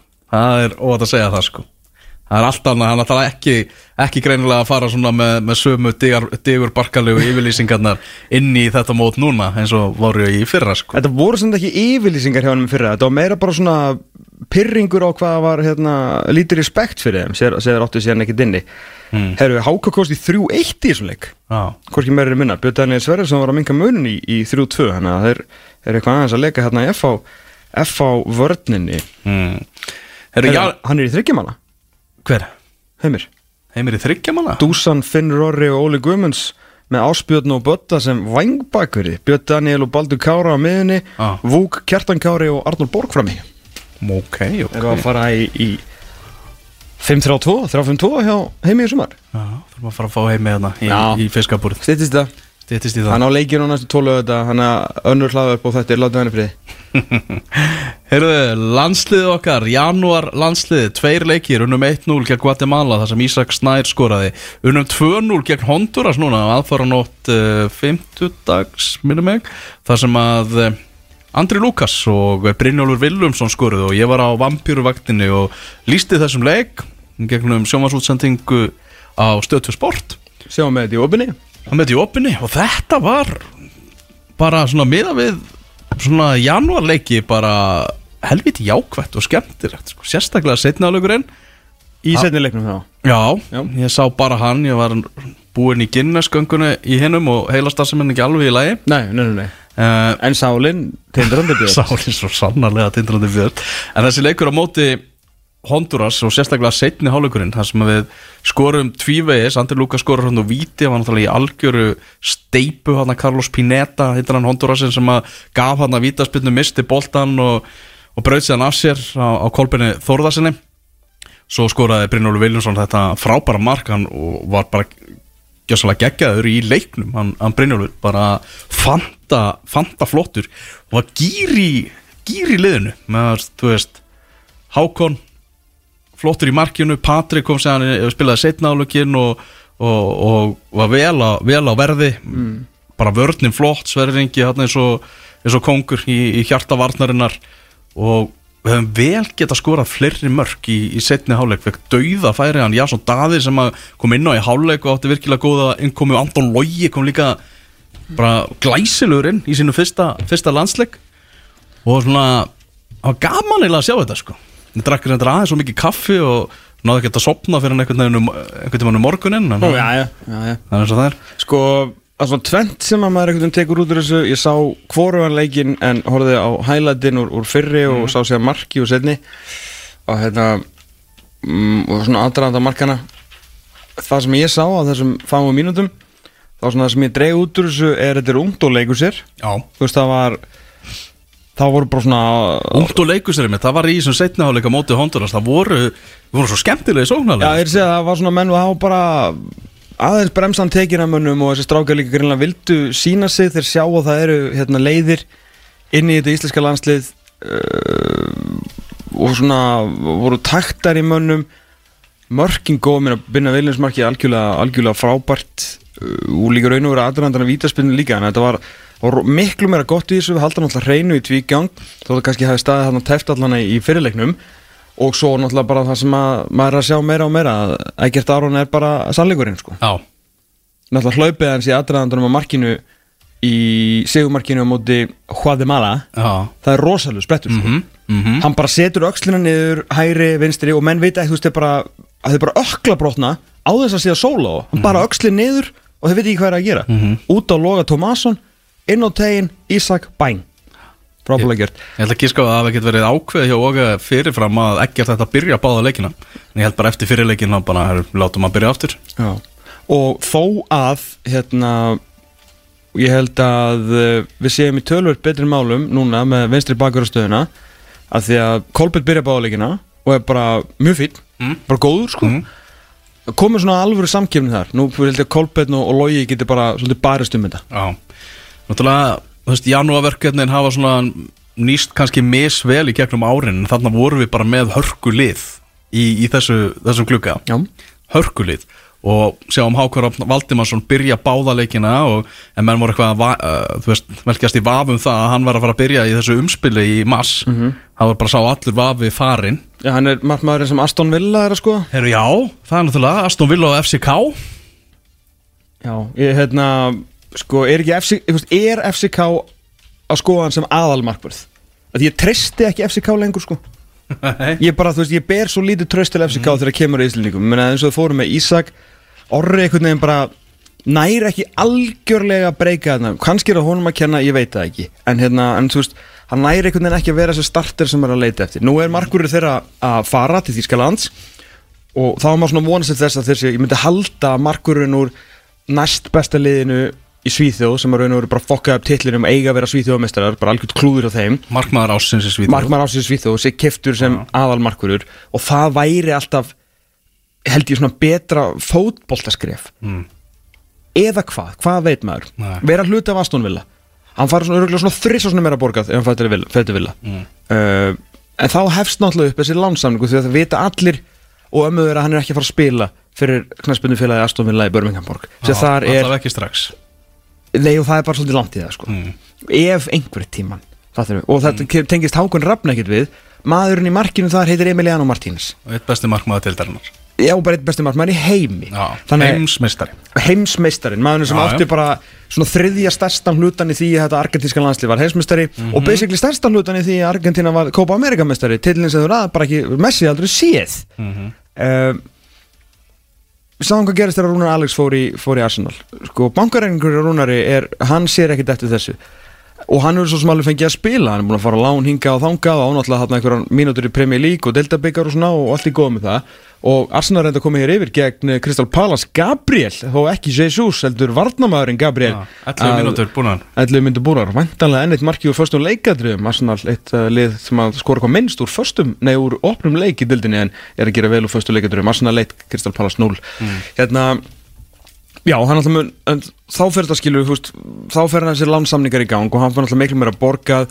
Uh, ef þú ert lánað frá Aston Villa, farið öruglega flott, flott lið og allt það, ég er stóri ef að stofum það að FCK sé að fara að taka hann á láni ef að Aston Villa, þú veist, er ekki FCK bara að fara að leita sér næsta aðalmarkverði? Jú, og þeir eru að fara hérna í, í 16 úrslið mestaradeldunar fá endarast á pening. Af hverju ætti FCK að vera að leita að einhverjum, einhverjum bráðabyrralöst þeir eru kort sem er að leita Já. að nýju markverði? Þannig ég, ég næði því ekki alveg þannig að uh, þetta er örgulega, þú veist, rosalega erfitt örgulega að segja nei við Aston Villa því að síðan ferði í prísísson túra með þeim þú hluti af eh, einu stærsta Premier League liðinu í dag. Eh, fara að vera í kringum Martínez, fara að vera í kringum vant- bara þessa markmannstjálfun sem er aðna hver segir nei við Premier League? Já, já. en það er bara spurning hvað, hvað plan setja þeir upp fyrir hann hvar hann er að fara að spila Rósir í, í hnappagatið Já, Hákonni Rafni bara hver á fætur öðrum Þannig að Fabrizio Romano er farin að týstum hann Aha, þannig að hann er heldur betur búin að koma sér á, á kortið og hann er bara geggjaður sko og var já, frábær í þessum landsliðs glugga þessum íslenska landsliði náttúrulega helt reynu uh, svo náttúrulega tilkynnt núna í vikunni að og hóraði skrifaði undir samning til 2025 hann er búin að framlengja, þetta er búin að liggja í loftinu og ég bara fagna þessu innilega því að hann eru við bara með algjöran fagmann sem kann allt í, í bransanum og er greinilega fíla sig í, starfi og ég held að það veist, sama hvort þú komast á EM eða ekki þá geti íslenska landsliði valla verið í betri höndum hvernig eru klásulunar þurr? Þetta með þetta fyrir fram að þig? Næ, Ó, ok ég vissi ekki á klásúlunum hvað er klásúlunum með Vissir ekki af klásólunum? Næ, hvað er maður? Hvað er það reitstjóri hérna, byrju? Það sá Já, Það var alveg sko tilkynnt sérstaklega Ok. Ég hef aldrei séð þetta áður svona ítalega Já, já. uh, Því að menn eru, uh, menn og konur eru að reyna hérna að Því að vandaði náttúrulega líka búin að sverja af sér það að hafa ráðan eða sérst hafa framlengt við hann og var búin að segja núna að þetta er stjórnin sem gerir þetta að því að við erum búin að vera umræðan það hvort að ef vandaði fara að framlengja við þjálfara sem að síðan næsti formaði kannski vill ekkit Mhm. Já. þannig að hún sagði að vera stjórnin sem að gera það stjórn sem að ræður landsinsþjálfara og rekur og hérna framlengir en þess vegna af því að út af sagt hérna veru þessum formannskiptum Mhm. að þá væru gluggar opnir til þess að, að láta hann fara skilur Þannig að Guðnir Bergson, ef hann vill losa og og ráða Arna Viðarsson aftur þá Já. er gluggið til þess. Já, það eru lok þjóðadeldarinnar 2024 Þannig að hann fær alltaf þjóðadeldina, sama hvað, þú Já. sagði alveg klart Já. En það er gluggi þar. Ok, uh, Samningurinn framlengi svo sjálfkrafi í Íslandi er í umspiljum sæti í lókikefni HM 2026 og framlengi sjálfkrafi komust á HM En er sem sagt bara í loka ás Þannig að í versta falli ef að næsti formaða vill ekki eða, eða bara ef allt fyrir skrúuna skilur við þetta fyrir aftur verða vegar að þá er ekki búið að gefa honum einhvern þryggjára samning Þannig að það er bara flott. Virkilega Bara mjög gott. og hann náttúrulega bara, já, og bara vinsall í, starfi eins og kann, bara kannanir hafa, hafa leitt í ljós og okkur líður best í svona skand, faðmið skandinavískra afa sko. Eins og mörgum öðrum. En, hérna, en já, þetta er allavega hérna fínt að tekur hann hérna allavega út þetta ár og svo bara sjáum við til hvað verður. Já, nákvæmlega, það er bara vel leist, sniðut Annars var ég alveg til í, sko, ég veit að það er svolítið dýrt þannig að þeir þurftu þá le- hérna, deila laununum að það var eitthvað viðtal við Larsundagina sem hann sagði að hann ætlar ekki að þjálfa aftur nema Ísland ringi, þá mörg hann hugsa sem Já, Tveggja þjálfara kerfið og hjá Lalli. Það er reynsla þar. Það er bara svona vertis orginal auðlýsing Rosalegt. Vá. Það er svakalegt. Heyrðu, fréttir í það í vikunni að Gilvi Þór Sigursson sé reynlega bara íhuga það að kalla þetta gott og leggja skóna á hilluna ekki náð sér almennilega bara á skrið og ekki náða að tengja saman leiki alltaf eitthvað sem meðsli og, Já, sko. og, og, og allt það. Þannig að það er bara þannig að hann vist likur bara undir feldi og mögulega mun hann bara ekki snú aftur á fótballtaföllin en hann kom allavega aftur sló markametið og, og allt það, hann hakaði við það en Svo er þetta líka ef hann er tilbúin að taka fram skóna hérna heima Þa, Þetta er alveg, við erum búin að sjá ég meina nú það var bara stór möguleika þegar hann væri að fara í val, jafnvel Grindavík Já, sko. nú, nú er ég bara að tala um að nú vitum við allan að með við bara síðustu dæmi að hann er ekki alveg heill og eiginlega bara langt frá því Já. sérstaklega með hvernig hann var, gæðin sem meittist ekki Mhm. bara uh, bara hefur fullkomna um fullkomni fótbolta líka mig Mm. nú vitum við með eins og segja þessi síðustu, síðustu mánuði að hann er bara miklu brasi með að halda hérna, líka á sér heilum þetta er alveg alvöru þetta er eins furðulegt og er að segja það er þetta alveg séns fyrir Ísland lið að taka núna? Að fá Gilvar Þór Sigur Já. því að hæfileika ríka séð er þetta bara besti leikmaður sem komið heim síðan Arna Guðvansson Mhm. og miklu betri, eða líklega mun betri. Uh, og gert spila fyrir stærri lið. En hérna, Svo veit maður náttúrulega ekkert hvað hann er að hugsa hvort hann sé með drifkraftin einhvern veginn til að fara í þann pakka sko. Nei, svo er það og kemur þá bara heim og fær eitthvað andrarúna samning veist, sættir hann sig við það, bara maður sem bara vanur að fá vel borga fyrir sín störf og búin að vinna fyrir því frá því að hann var fimm ára gamall. Ja. á hverju pay as you play dæmi? Eða er bara, veist, fer bara Jón Rúnar í, í Salzbökin og, og borga bara það sem Gilvi vill þannig að hann Ja. spili í FO-treinu í eitt skipti fyrir öll. Já, já. Men að, þú veist, ég held allavega að hann hafi hakað við ímislegt náttúrulega á síðast ári með því að bara koma aftur úr þessu snúa, Snúa aftur, snúa aftur á fótboltavöllin snúa aftur á skemmtilegu og góðu umhverju basically í bestu dildinni að spila fyrir Lingby íslenska klúb með íslenska þjálfara mætalegu þetta svo standandi lóatak, slá. Ekki, hann náði allavega að binda helviti góð, góðan. Jú, góðan endapunkt á það sem búið að vera Já, er, síðustu tvö ár. Já, akkurat. Það endaði ekki þannig að bara, þú veist, að hann snýr ekkert aftur Nei, og allt þannig Þannig að að það sé gerir rosalega mikið fyrir hann bara andlega í framtíðinu sko. Já. En með allar sem að gæðir sem eru að koma heim fengjum síðan eitthvað svona ef að safran kryttið ofan á ofan á þessa steik sem við erum að elda núna er þið Gilvið Þór í bestildinni Shit! Við látum okkur dreyma. Já, við látum okkur Við látum okkur dreyma. Heyrðu, við höldum áfram að, með þáttinu eftir smástund. Þórir Hákonarsson er komin í hús. Við ætlum að fara að skoða hvað er í vændum í formannskostningu KSI Hvað býður nýs formans Er það, er það niðurskurður og eintóm leiðindi? Kíkjum að þetta eftir Þann 24. februar íþróttamestu fram í Úlfarsdal í Reykjavík mun fara fram Ársþing KSI Formannskipti, Vanda Sigurgestóttir býður sig ekki fram Áfram Gunni Bergson, fyrrum formaði KSI og Þorvald Örleksson Hans gamli félagi úr landsliðinu Þeir eru þeir einu sem hafa staðfest uh, frambóð Við ætlum að eh, skoða eins Hvað er í vændum þetta í, í eh, februar mánuði? Já, Þórir Hákonarsson, lead political er mættur í húsið okkar uh, sérfræðingur Ég ætlum málum á bakvið tjöldin uh, Þing uh, sérfræðingur Herðu, hvað er að fara, fara að gerast núna? Býðum að, eða fara bara beint í, í formálskjörið Hvernig, hvað er þetta að heyra á bakvið tjöldin? Kannski hækki, Jón Valminn?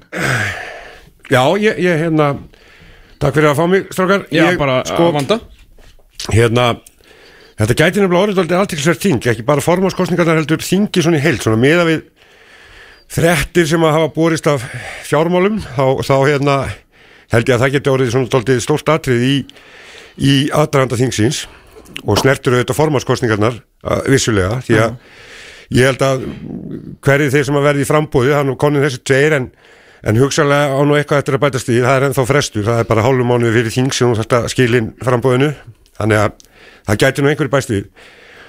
Og ég held að fjármálinn verði þarna langast á blaði í umræðinni, svona miða við þær fréttir sem að koma á lögadalinn núna um, um reksturinn á sambandinu og gríðarlega sko mikla hækkun á öllum álugum og félögin að undarförnu, undarförnu tveimur árum og lækkun á framlögum til félagana. Sko, það er eitthvað sem að held ég að félögin mun ekki um, já, þau munu allavega taka góða umræð um það og ég held að formans efnin, uh, hverju sem það verða, þeir þurfa að svara svolítið fyrir það. Getur þú útskýrt aðeins betur, hvað er það sem er búið að gerast? Já, það sem búið er að gerast núna og ég, ég er nú búin að taka þetta bara svo, svolítið saman hérna frá árunni 2019 Já, uh, bara bein framlög til aðaldafélagana uh, sem sagt í formi til dæmis greiðslu á veluna fyrir byggarnum uh, mannveikja sjónum og fleiri hafa lækkað um 80-90 mil, miljónir á núveri frá árunni 2019 uh, og auk þess hafa allar álögur, sektir, þáttökugjöld og allt annað hækkað alveg gríðarlega. Sko, þáttökugjöldin er mörg 100% þannig að e, þetta er orðnið tölvægt miklu peningar og ég held að viðsnúningunum frá 2019 sé svona um 160-70 miljónir sem er búið að ég hefur að segja seilast í vasa aðildafélagana stóra og smára já, á þessum tíma. Og það er auðvitað félaginu auðvitað að finna fyrir því og núna í fyrsta skipti var tilkynnt núna í november, lók november að uh, greiðslu vegna byggasins sem að hafa sem sagt réttindasalan á byggarnum hefur öll farið til aðeldafélagana hinga til í áratug eða áratugi. En því var breytt núna og, og, og KSI tók í rauninni helmingin af þeim tekjum. Eða hátt í það. A- af hverju? Uh, það er góð spurning. Það er á sama fundi og þetta var, var gert þar var uh, farið yfir fjármál uh, sambandsins og, og þar kemur fram bara í þeirri fundagerð að, tapið á, á sambandinu hleypur á einhverjum tugum miljóna og jafnvel eitthvað yfir 100 miljónir uh, sem til kemur fyrst og fremst vegna, vegna hérna, aukinskostnaði við landsliðin.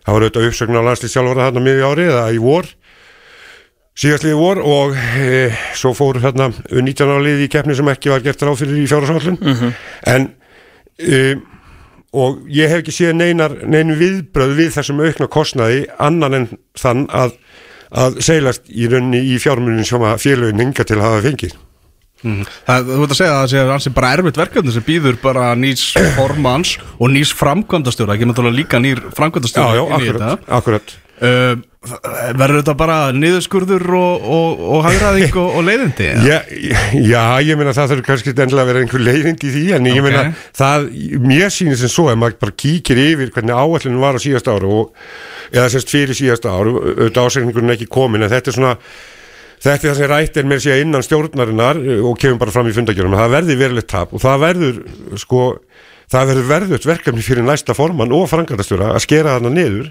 og hagraði rekstri. Og ég, mér sýnist það að vera þú veist kannski 100-150 miljónur á næstu tveimur árum sem er nú bara undarsett mikil peningur. Þú varst framkvæmdið stjórið þarna til, til margra ára og þekkir hérna innviðina betur heldur en nokkur annar sem er hérna ekki fyrir innan hérna glirhísi í dag. Hvað er svona augljósast í, í þínum bókum að, skera niður? Já, ég held að við þurfum að fara all, verulega sko yfir bara uh, landslísmálinn í heilsinni ég, ég, ég svo sem þekki nú ekki alveg nákvæmlega hvernig hérna verkefnum er deilt út núna en mér, mér sýnir sem svo að að bara hvert og eitt landslýsverkefni sé orðið alveg gríðarlega dýrt með mjög mikið af, af starfsfólki alveg sama hvaða landslýð það er mm -hmm. karlaða, kvenna eða yngri eða eldri og, og það er eitthvað sem þarf að alveg klárlega að, að líta á ég veit ekki það er náttúrulega það er búið að bæta tölvöld mikið við að starfsfólki hvort sem það eru þjálfarar í, í fullu starfi eða, eða bara st- almenn starfsfólk á skrifstofunni. Og það þarf auðvitað að horfa til þess líka hvort það er eitthvað hægt að, að hagraða þar. Að minnst ekki ráða inn fleiri starfsmenn. En er þetta ekki samt hérna, hluturinn sem að ætti að vera eða peningi hjá fótboltasambandi Íslands í fótbolta hlutan? Jú, en sko, það, það verður að horfa til þess að e, núna, núna fáum við e, alls konar samaburð við aðra þjóðir í landslýsverkefnum og slíku Við getum bara einfallega ekkert borðið okkur saman með, með hérna til dæmis verkefnafjölda yngrilandsliða á við Danmörku eða Þískaland. Þið sjáu það bara í, í hendikar. Ég meina, Dani geta spilað með U15 ára liðið sitt á, á hérna um hádegi í Þískalandi, farið svo heim og sofa og spila svo í Svíþjóð daginn eftir. Veist, þetta, þetta er einfalt. Við þurfum alltaf að ferðast uh, einhverja þúsundi kilometra og fljúa og, og gista hótelum. Þannig að þetta er miklu, miklu dýrara umstang í kringum hverja ferð hjá okkur heldur en nokkur tíman hjá öllum öðrum eiginlega. Þannig að við verðum að passa okkur á því að þegar við erum að, taka þátt í einhvern svona samanbyrði að við bara, við bara búum við allt úr þessu aðstæður og, og þetta áviðum nánast allar Európa-þjóðunar það er, það er þær geta spila miklu fleiri leiki heldur en við að augljósum ástæðum. Já, já, en, en spurningin heldur sér og við, ekki, við getum ekki verið að eldast við það að reyna að ná þessum samanbyrði Nei, þú veist, ég, ég var alls ekki að tala um einhvern samanburð Nú er ég bara að tala um í fótboltasambandinu Viljið þú ekki ef að við verum að eða peningum í eitthvað Að það sé þá hérna löggildur sjúkraþjálfur og styrtaþjálfur með landsliðnum og það sé aðstofaþjálfur sem er en, þá eitthvað en, annað en það verður aðtöfa það, Tómas við getum ekki verið að eða peningu sem við eigum ekki sko. Nei, nei, nei, nei, nei, ég er bara að tala um Þú veist, Við þurfum að- velja, skilu hvað við já, eigum. já, ef að menn eru komni já, það er hægt að fara ákveði milli, milliveg hérna og það er hægt að finna ákveði jafnbæði á milli þess sem að fer í almenna rekstur og anslegana og, og svo líka þáttu í íslenska knarspinu innanlands Mhm. það, það er hægt að finna jafnbæði þar á milli, það hefur verið gert í áranarás Mhm. Já, En það er orðin einhver ákveðin svona viðhólsbreyting vil ég meina uh, núna á undanfjöldum örfáum árum. Og í þá átt að, að svona aðvilda félögun eru svona mm, afskiptalaus nánast eða afskiptalausar heldur en það hafa áður verið sko nú er hérna þau, þú segir að þetta verði hérna hitamálið að kostnaður versus tekjur hérna síðan fara í áttina frá sambundunum það var fréttaskýring núna uh, í ríkisjónvarpinu í gæra fyrra dag og Rúf Austurland var að, að fjalla um það að hérna, að ferðakostnaður var svo rosalega mikill og væri svona sérstaklega mikill munur á þessum sem Já. fara lengst. Það var hérna að vera sérstaklega að tala um FHL á, á Austurlandi En svo sem enga nýja fréttir, þetta búið að vera lengi einhverjum en þú veist, þetta er vantilega að fara að sliga ennþá meira ef að móta kostnaður og allt það er hérna, uh, að verða meiri Já, og tekina minni, algjörlega. segir sér sjálf og þú segir að hérna, þetta sé eitthvað sem að félögin sé að fara að taka upp. Alltaf þú kemur hérna sköfum fyrir þing erum við að tala um það að félögin sé að fara að segja eitthvað og svo segir engin eitt ég, ég velkist ekki vafum það að það séu, sim, það séu, það séu simtöl og menn sé að ræða málin. Já, en á þessum þingum já, gerist ekki raskat Nei, ég, ég, ég kannski ekki alveg sammála. Ekki en, en neitt. það, Nei, það er alveg rétt, það er oft, oft á tíðum þannig að, þú veist, menn eru svona einhvern veginn að pukra hver í sínu hotni og tveir og þrýra að það ráta sér saman og, og röflega yfir einhverju svo kemur að þinginu og og þú færið ve- vettvangi til þess að koma einhverju sjónamöðum á framfæri og móti einhverju stefnu Einmitt. þá eru menn ekkit rosalega mikið veist, þá er fólk ekkit mikið að koma hann upp og, og, og tjá sig. Ég, það er alveg rétt, það er hann helst Uh, helsti talsmaður Flórgóðans í Hafnafyrir vi, vi, viðar sem að, sem að kemur reglulega upp og, og, hérna, og erfáður aðalar ég, ég, ég meina ég fer, eftir ég hætti sem frangalstjóri þá fer ég yðurlega upp og, og tjáu mína skoðanir þarna. Og mér finnst eðlilt að fólk geri það. Sjálfsögðu. Það verður að taka þátt í einhverju svona stefnumótun. Og ég, sko ég held að það er kannski eitt af verkefnum nýs formas að svona uh, bæta einhvern veginn samtali við, við félögin. Mér finnst það ekki að hafa verið kannski á endilega á réttir leið núna undanfærið. Margt gott hefur verið gert, ég, ég ætla ekki að taka það af, af því fólki sem er hérna núna, Nei, nei. en annað má verulega bæta. Sko, hérna þegar þú, við vorum hérna fyrir árið síðan og þá áttum við hérna með ásverkingin fyrir framæði og, og hérna varst að, varst að skoða hann og það var svona náttúrulega gríðarlegur aukin launakostnaður á skrifstofinni. Uh, það var kannski svona eitt að, eitt að helsta sem er, heldur hann sem meiri núna? Um, já, ég, ég hugsa það nú. Ég held að það sé, nú, sé nú alveg borlegjandi og það var eiginlega gert ráð fyrir líka í áallinni en sko þetta er samt ekki að verða þessi hérna þessi hallarekstur í rauninni. Hann er ekkert endilega að verða til bara á þessu ári. Við vorum það var hagna ára sambandinu síðast en það var bara, það var bara tilkomið vegna sem við hengum auka greiðslu út af sjómansamningum Já. ef að svo greiðsla hefði ekki komið þá hefði almennu rekstur verið tölvært mikið í mínus.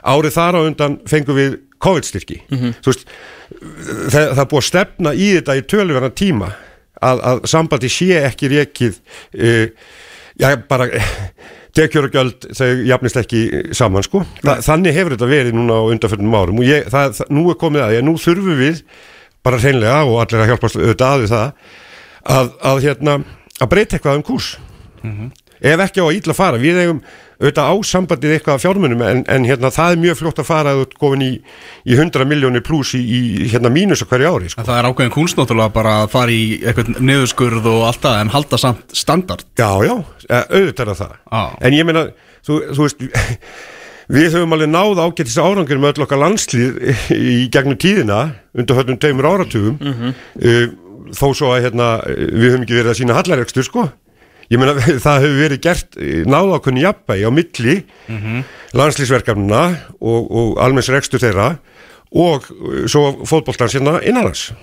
Núna er þetta orðið dálítið þannig að og sko, þetta hefur þetta þróast í þá átt eftir að hérna, íslensku toppfókból tekur yfir réttindin. Mm. að knallsvinnarsambandi er lítið sem ekkert að, að sko presentera íslenskan fótbolta innanars það er ekki, það er ekki markasetning á deildunum á vegum KSI lengur. Og á ekki vera já, jú, vissulega, það eru fleiri deildir og það er byggakefnin líka sko. Já, já, já, en ég meina þú veist, er ekki þú veist, mann ætla bara rétthafinn einhvern veginn sérum já, já, sérum tærastu deildinar það er gerð Nei, ég, ég var nú að tala um byggjar núna, þú ert alltaf að tala um að þú vil kannski meina KSI ætti að auðvisa farðáleikin, ekki horfaðunum saman Já, já, eða, bara hvernig sem það er bara öll, mark, öll markasetning á íslensku fótbolta bara almennt. Ég, veist, ég hefði til dæmis vilja sjá uh, knallspinnarsambandi taka þátt í því. Við erum með hvað 2,5 miljón ferðamanna sem koma hérna á ári núna mm -hmm. eða rekna með á næsta ári auðvitað hefði ég vilja sjá að knallspinnarsambandi færi í einhverja vinnu með ferðamáli yfirvöldum að reyna að fá eitthvað þessu fólki á völlin mm -hmm. hvort sem það er eftirdild eða bara eitthvað annað því að það er svolítið sérstætt að fara á völlin í Íslandi sko. Já, já, það er algjörlega En ég meina, ég er bara að nefna sem dæmi sko. mm -hmm. bara, veist, það eru ákveðnir svona uh, ákveðnir punktar einhvern veginn sem mér finnst að, að sambandi ætti betur að sinna og þetta er eitthvað sem að þarf að, ræða við þessi formarsefni hvernig sjáður þetta fyrir sér uh, þeir tveir sem komnir eru núna ég hef séð svona áherslu punktana hjá þeim. Mm. það er ekkert nýtt í því sjálfsveir þetta er svona bara græsrótinn og... Jú, ég menna þetta er bara sögum punktar og held ég flesti sem að myndi fara í, í frambúð væru með í sjálfu sér. Það er engin svona, það, það er engin sérstakur áherslu munið þar á á þeim, þeim teimur sem núna eru konið fram. Um, ég veit ekki hvort að fleiri aðalega bætist við en ég menna uh, Vignir uh, að Norðan, hann hefur náttúrulega gefið út að, að hann sé að hann líkildu feldi mm. núna mm og hann, hann liggur núna held ég við sundlagabakkan og, og hérna á spánu eða staðar og, og hérna er, er að hugsa sín mál við sjáum til hvað gerist með það en, en fleiri hefur maður svo sem ekki heilt nefnda uh, núna undanferði allavega. Mm, Það verða talsverða breytingar sem við segið, þú veist það er ekki bara formannskipti það nýr formára stjórn þurfa að ráða framkvæmta stjóra og nýjan framkvæmta þurfa að klara Bjartmars að fara og svo er orðað á göttinu að borgildur varaformaður sé, sé að hætta. Já, já. það er bara að fara að koma bara nýtt fólk á, á dekk. Já, já, og ég, hérna, það er nú, það er enda doldið aðtilsvert, ég minna að þetta fer hérna klara út núna með alveg gríðarlega reynslu hana mm. og, og búin að vera vakant og svoðandi yfir þessu 30 ár, sko, og, og Borghildur sem er reyndast í stjórnumæðurinn í raunni mm -hmm. í dag, hún er líka fara, fara út eh, eftir því sem maður heyrir, ég er svo smegt fengið þannig staðfyrstendilega, ah. þannig að það fer gríðarlega reynsla út úr stjórnunni og, og ég held að svona ef við bara horfum á hvernig, hvernig stjórnin er skipu núna og hefur verið núna undarfarið, það, það er svona um, það er einslu minna fólk það núna heldur en ofta áður skulum við segja. Ég, ég er ekki ég er ekki að gera lítið úr einslu þeirra sem ég, eru þarna innanbás, ég er bara að segja að hún er minni heldur en hún hefur oft verið áður mm. uh, ég bara, mínist þess að ég, ég byrjaði sjálfur hérna í, hérna í KSI að þá, þá voru stjórnarmennir Þetta voru nánast allt saman fyrirvöndi formið félaga til margra, margra ára og ára tuga sumir eða fyrirvöndi frangtstjórar. Mm -hmm. En, en það, er, það er svolítið hérna, öðris í samsetningin akkurat núna. Nei, það er alveg. Hvað hva, hérna, sagt, hvað geta þeir sagt, hérna, þessi formansefni á, á fundurum? Ég meina, þeir þurfa einhvern veginn að A, náttúrulega passa upp á buttunni á KSI, þeir þurfa einhvern veginn líka inn í hjarta félagana með það félagunum er vant til að vonast eftir því að þessu, þessu ákvöru verður bara heimlega breytt eða einhvern veginn að þetta mun ekki verða svo mikið skellur fyrir þau Já, já, ég menna eitt er það að, að, að, að deil út fjármunum með einhverjum einum eða öðrum hætti til félagana en hitt og sem er miklu mikilvægur er það að reyka ekki sambandi í mínu sko. mm -hmm. þú veist, það er fyrsta verkefni sko. og, og það verður einhvern veginn að breyta því það, það þýðir einhverja breytingar í reksturinn og eins og ég segi, þetta er ekki að gerast akkurat núna Valandi þess að tvo, tvo þurfa þeir að tala svolítið e, til félagana um hvað þeir ætla að gera og, og Guðni auðvitað verður líka að, að reyna svona að tala inn tröst til félagana að nýju, mm. því að við veitum alveg hva, hver forsagan er, hva, hvað hann varðar. Mm. Gekk ímislegt á það. Gekk ímislegt á það og, og, hérna, og, og sérst, hans verkefni verður auðvitað að reyna að, að hérna við ávinna sér tröst félagana á að kemur að, að, að þinginu Þorvaldur er allavega hann, hann, er ekki, hann er ekki að bera þetta á baki sér sko núna nei, nei. allavega en hann verður auðvitað sína líka fram á hvað hann ætlar að gera og hver hans stefna er mm. Það er ekki nóg að segja bara að þú ætlar að leggja áherslu á græsrútina ég meina hvað ætlar að gera sko? Já, það já. er það sem að, það, það er svolítið að koma fram. Og auðvitað hann nægur tími fram að þingja ennþá þannig að það á eftir að koma í ljósundi Já, það var könnun á fótbolta.net og niðurstaðan í henni bara svona í samræmi við aðra kannanir sem hafa verið gerðar. Spurt var hvort vilt þú freka sjá sem næsta forman KSI Gunnar Bergson fekk tefla 49% atkvæða, Þorvaldur Ölsson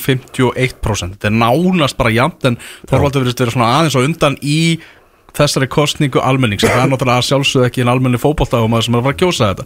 Það er í höndum félaga landsins og Kári Átnason hann var spurður að því hvort hann var að íhuga formansframbóð í Já. einhverju viðtali og Kári sagði nei, ég- aðalega bara því ég þekki ekki inn á pólitíkina sem er í gangi þarna bak við tjöldin Já, já. hver er pólitíkin sem er á bak við tjöldin hvað er, hvað er þú veist, í Ég- hverju eru Guðni og Þorvaldur að vinna núna ég, ég, það, er bara góð spurning ég, það fyrir eh, að mestu leiti hjá mér í sjálfsér sko, Já. ég, ég verð ekkert mikið, mikið varir, var við, við hérna var við þá og mér er kannski vanta svolítið að, að það komi betur fram en eins og ég segi, það er, það er nægur tíminn til stefnu og það þarf að koma betur fram sko hverjar þeirra áherslur eiga að vera. Og ég held að þetta sé langstæsta máli núna, það eru, það eru fjármálin. Og þetta jafnvægi sem þarf að nást á milli, milli hérna rekstur á landslögunum og, og hérna og, íslensku fótbolta innanars Þa, það er það sem að þarf að þarf svolítið að, að hérna, e, taka á og eiga samtal við félögunum og viðbætið svo hjá Guðna að ávinna sér tröst hjá félögunum. Þorvaldur hérna, myndist á í punktunum sínum hérna, svona samstarf hvað var að kalla svona að tala um samstarf og hvernig það er og kannski þyrfti að bæta og eða auka á milli ITF og KSI kannski er það alrangt sem er og þá bara beða hann afsökunar á, á þeirri túlkur minni ef ég reyndi að lesa þarna mellir lína bara letrið var svolítið smátt. Með svona, með leið þegar ég las þetta eins og hann væri ekkit einhver trilltur ITF aðdáðandi Veistu, ve veistu eitthvað um það? Nei, ég, nei sjálfsög ekki, ég var allavega ekki dórið var við það sko. kannski vill hann bara almennt bæta samskiptir enda með Já, já, ég, ég bara tek undir það með honum sko. Ok. Ég meina auðvitað þarf að bæta þau samskipti og samtali þar á milli þarf að vera meira Er, Sko, er það ekki það- góðan farfið í dag? Ég, við skulum segja að það gæti verið í betri farfi Hvað er það? Við, ég, nei, sko, það, það, það sem að mér hefur fundist einhvern veginn, sko, ég, ég sitt nú félagana megi núna Mm. Mér hefur einhvern veginn fundist uh, það vera svona of uh, mikil skoðun allavega all margra aðla að um leið og réttindan, réttindin fara yfir til ITF fyrir hönd félagana þá sé KSI orðið stikk frí varandi innan hans. Það er auðvitað ekki þannig sko. Það er ekki þannig. Við tökum auðvitað, ITF tekur ákveðin verkefni en það þarf auðvitað að vera samtalarn á milli ákveðin verkaskipting og, og, og auðvitað líka skipting á kostnaði við, ímislegt eins og til dæmis bara segjum bara vel, velunafundingar eða kynningafundi og annað slíkt. Það þarf að vera eitthvað samtal um það hvernig þetta á að vera allt saman og mér hefur hefur fundið svolítið vanta upp á það En þetta ekki, veist, skiptir þetta einhverju megamáli eða, veist, ef, ef þetta er það helsta þá Nei, ég að ég, ég, bara, ég bara tala um svona almennt Jú, ég meina, öll lögum að vera að vinna í sömu áttu að, að, að hérna, auka áhugan Já. og svona virknina í íslensku fótbolta alveg, alveg frá yngri flokkunum og upp úr Mhm.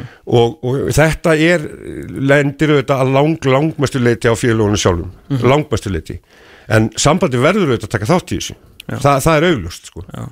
Alveg saman þó að réttindi sem er komin eitthvað annað og réttindasalan þá, þá verður knarspildasambandið að, að, að stíga dálítið fast inn í þetta allt saman. Mhm. alla markasetningu og allt slíkt.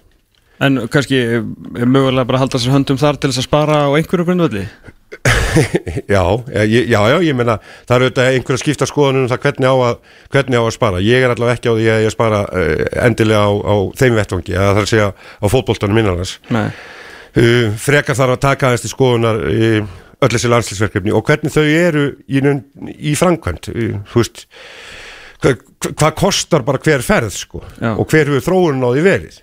Hvað finnst þér um hérna þegar, þetta var miklu minna mál þegar sambandi átti meiri peninga og fórum á tvö stórmót og allt það. Uh, hérna, þessar stiga greiðslur að bónusgreiðslur leikmanna hvenna og kallalansins já, ég veit ekki ég, ég, ég sko kannski þarf bara að breyta þessu svolítið. Bre- til, til breyta- að setja samingi að sérst, sigur leikur hjá kallaða kvennalandsliðinu Já.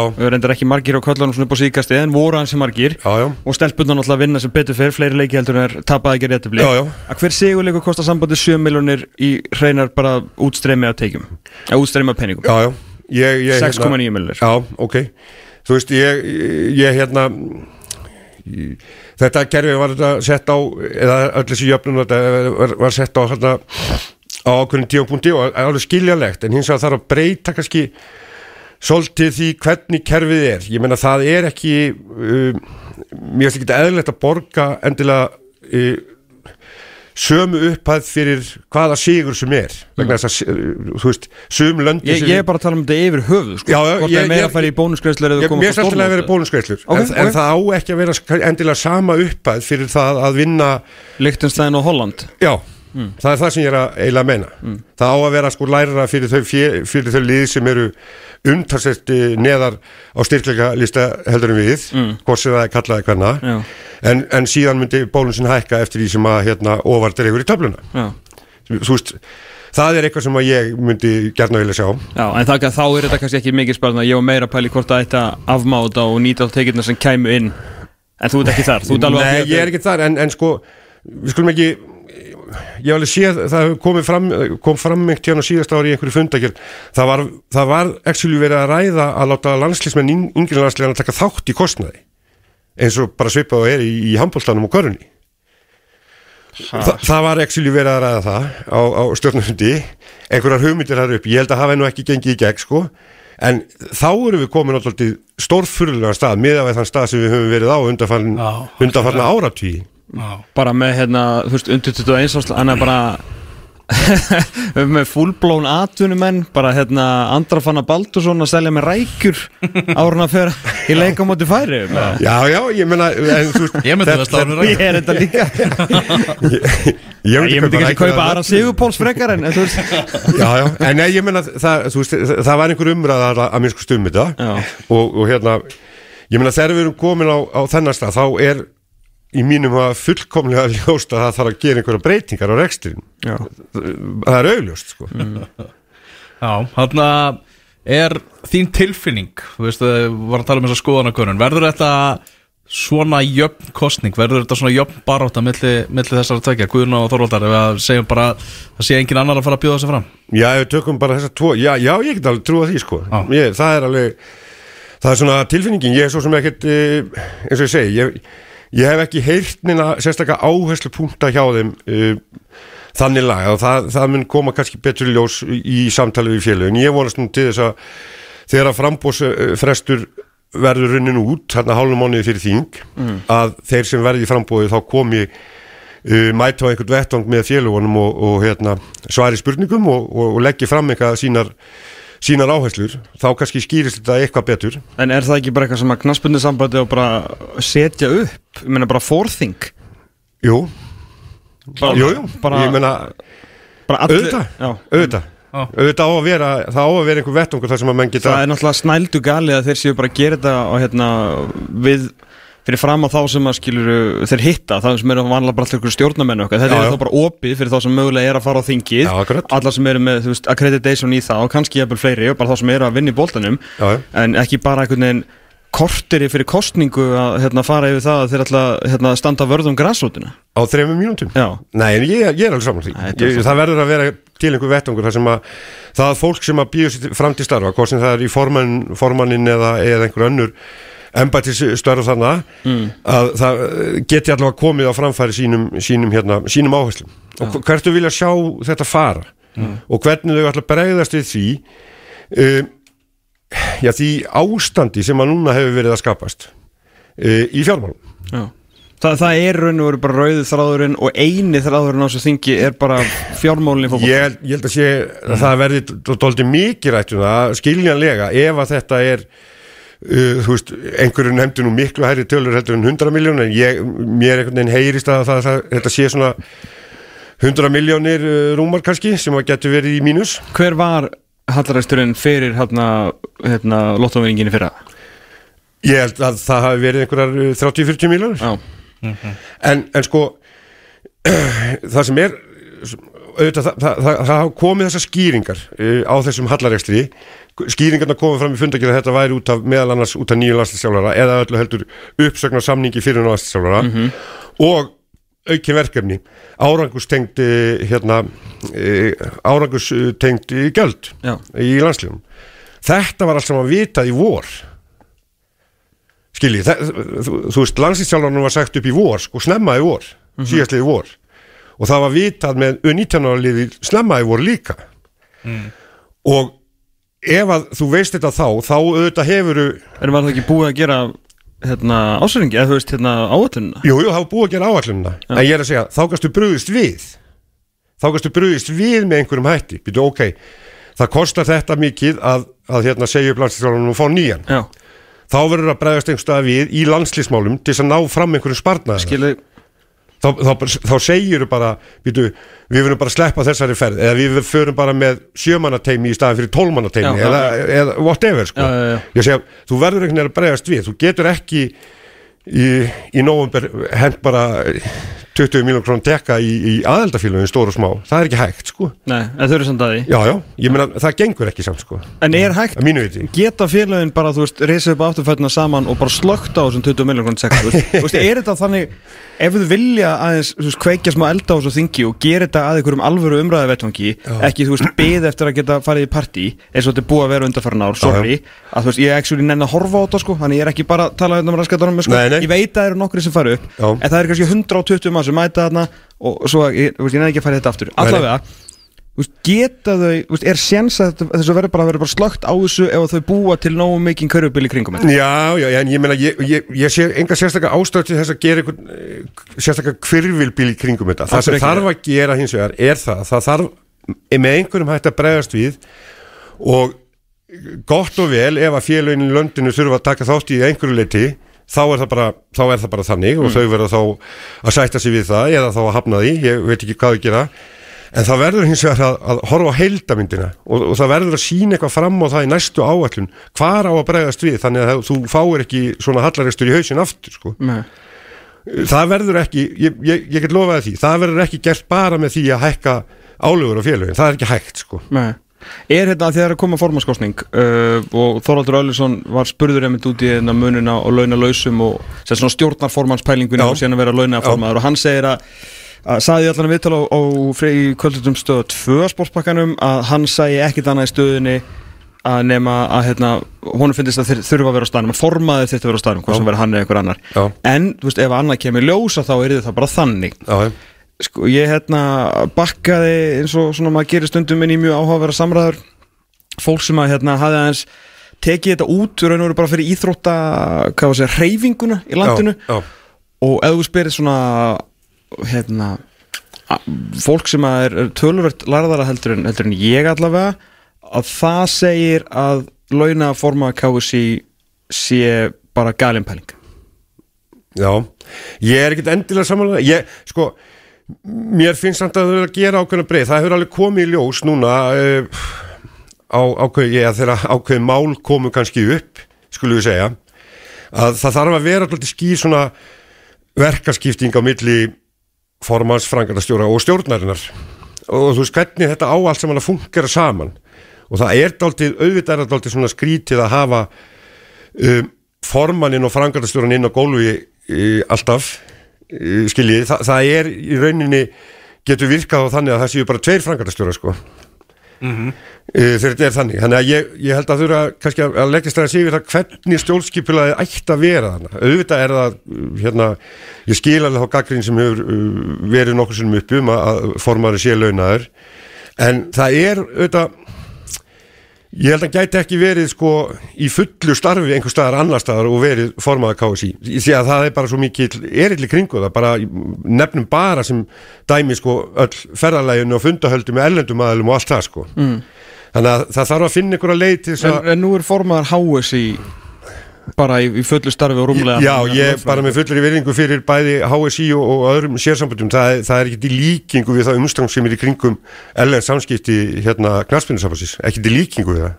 Nei, ég meina, þú veist, það er fólk samt á gólfinu í því. Ég meina, HSI er með, þú veist, álíka mörg landslið að fara, þú veist, það er nóg Já, að gera og Já, já, það er verkefnin eru, eru svipuð og þeir eru stórmót á hverju ári Reyndar stundum, stundum tvö þá er ég meina að kalla hverna á pluss yngri landslið þannig að þeir eru á tölverð fleiri mótum heldur en uh, knaspinni sambandið Já. það eru deildir spilaðar það sem er vægasagt mikið af vesenni töluvert meira vesen heldur en í mörgum öðrum íþróttum Já, já. uh, og allt gerir hann þetta og meðan hann er að sækja menn til saga sko. Já, ég meina þú veist, þetta er ekkit, þetta er ekkit ógerlegt Nei, nei, þetta er ekki ógæðlegt Nei, ég er alls ekki að segja það Ég er alls ekki að segja að það sé ógæðlegt Og ég segja Ég, og ég er, ekki að tala, ég það- að tala fyrir þessu ég er bara að reyna að Já, mér, þetta mér finnst sko. alveg, mér finnst alveg, alveg tíma best að menn, menn bara hérna að fólk skoði það hver- hvers konar breytingu væri hægt að gera þarna Mm. það er uh, ég er ekkert endilega viss um að svo breyting sem gerð var á stjórnskipulagi uh, þegar þessi svið voru öll saman sett upp þarna fyrir nokkrum árum. Ég er ekkert endilega viss um að það hefði verið rétt að leiðin. Mm. ég, ég hef allavega ekki séð einhvern sérstakann árangur að því.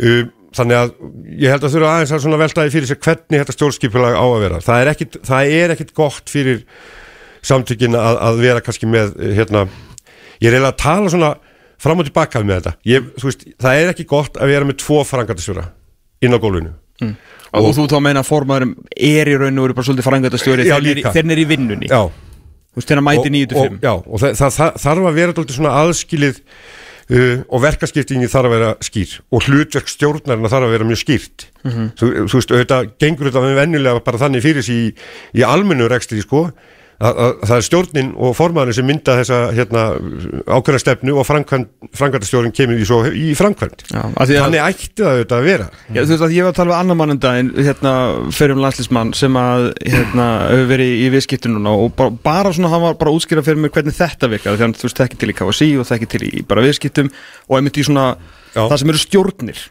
honum fannst svo galið einmitt hvernig hann er bara, þú veist, formaður inn á gólfinu hann bara kom ekki inn á fundi og náttúrulega sjálfsögðu ykkur aukafundur og svona og þetta, þetta, þetta og endanum er þú bara með valdið bara já þessi þá bara farin, bless og svo bara fer ég eitthvað burtu Já. síðan væri þá bara framkvæmdastjóri KSI sem væri þá bara, bara eins og að vera Já, já. þú ert bara Já, já. nánast formaður þú bara ræður öllu svo mögulega bara undir honum hérna, einhver manneskja sem er þá, svona, þá er með landslið og erlend samskipti.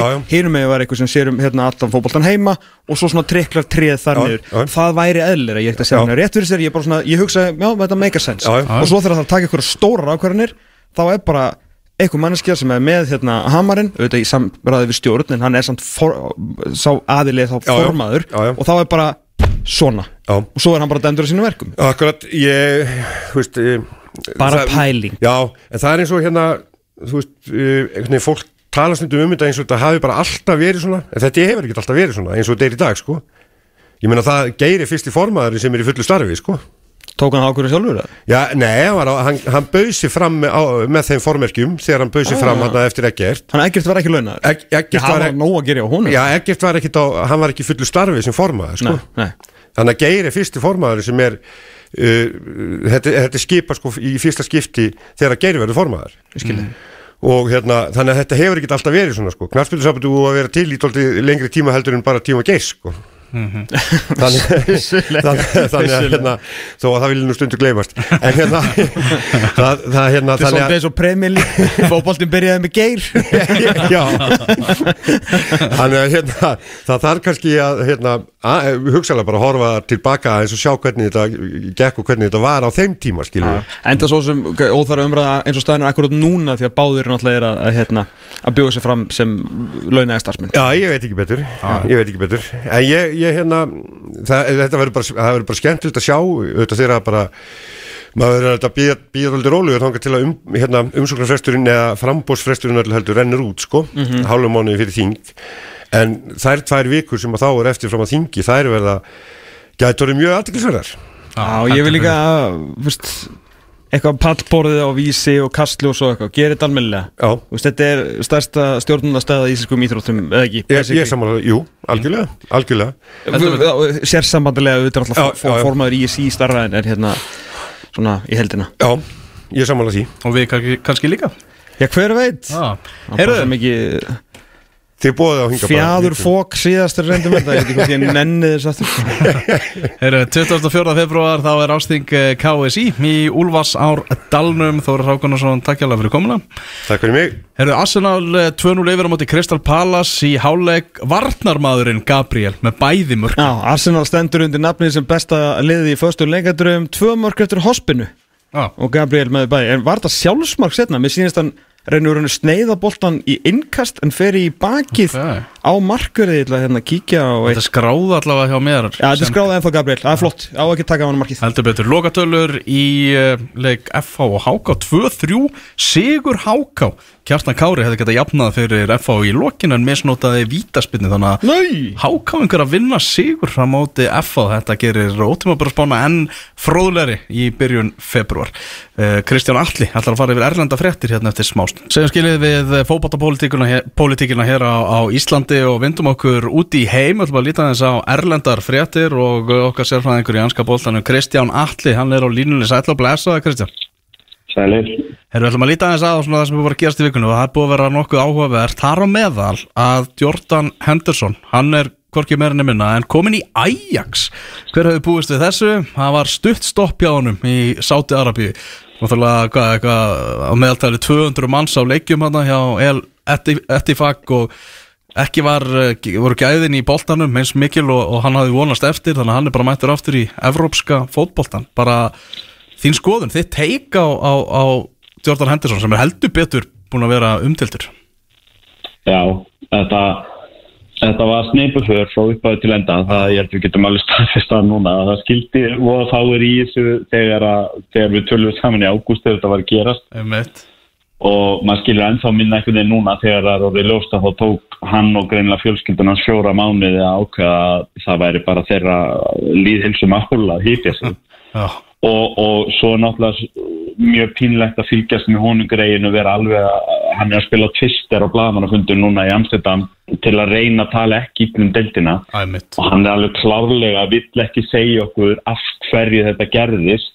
Þannig að við sitjum eftir hérna og reynum að lesa í línutnar er þetta því að það voru svo fáur áhörundur á leikunum er þetta því að gæðin á, á knaspinu völlunum skilsmanni grasis sé yfirleitt slæmt og, og standardin á, á leikmönnum í sér deilt sé ekki hár og hann hafi verið sjokkur yfir því. Er þetta, þetta menningasjokk að, að fjölskyldan hafi ekki liðið vel í, í, í Arabíu við, bara, við bara vitum það ekki á meðan hann ekki segir okkur hvað það er Þetta er þetta er- ennska landsliði gæti spilað en sinni líka á að landslið hann hafi séð fram og hann hafi allt í einn átt að sjá því í kannski 8. nómber það er ekki býstifæði í landsliðin áfram Já. en eftir situr í þessu að því að við verðum samt að hafa í huga sko, að þetta er einn maður og, og Roberto Firmino er kannski annar og mögulega Karim Benzema sem líður ekki vel aðna að þessum stjórnum sem voru teknar hann yfir í sumar. En ég meina Steven Gerrard var að framlengja sem þjálfari hjá sama félagi og það, það virðist ekki öllum líða illa þarna.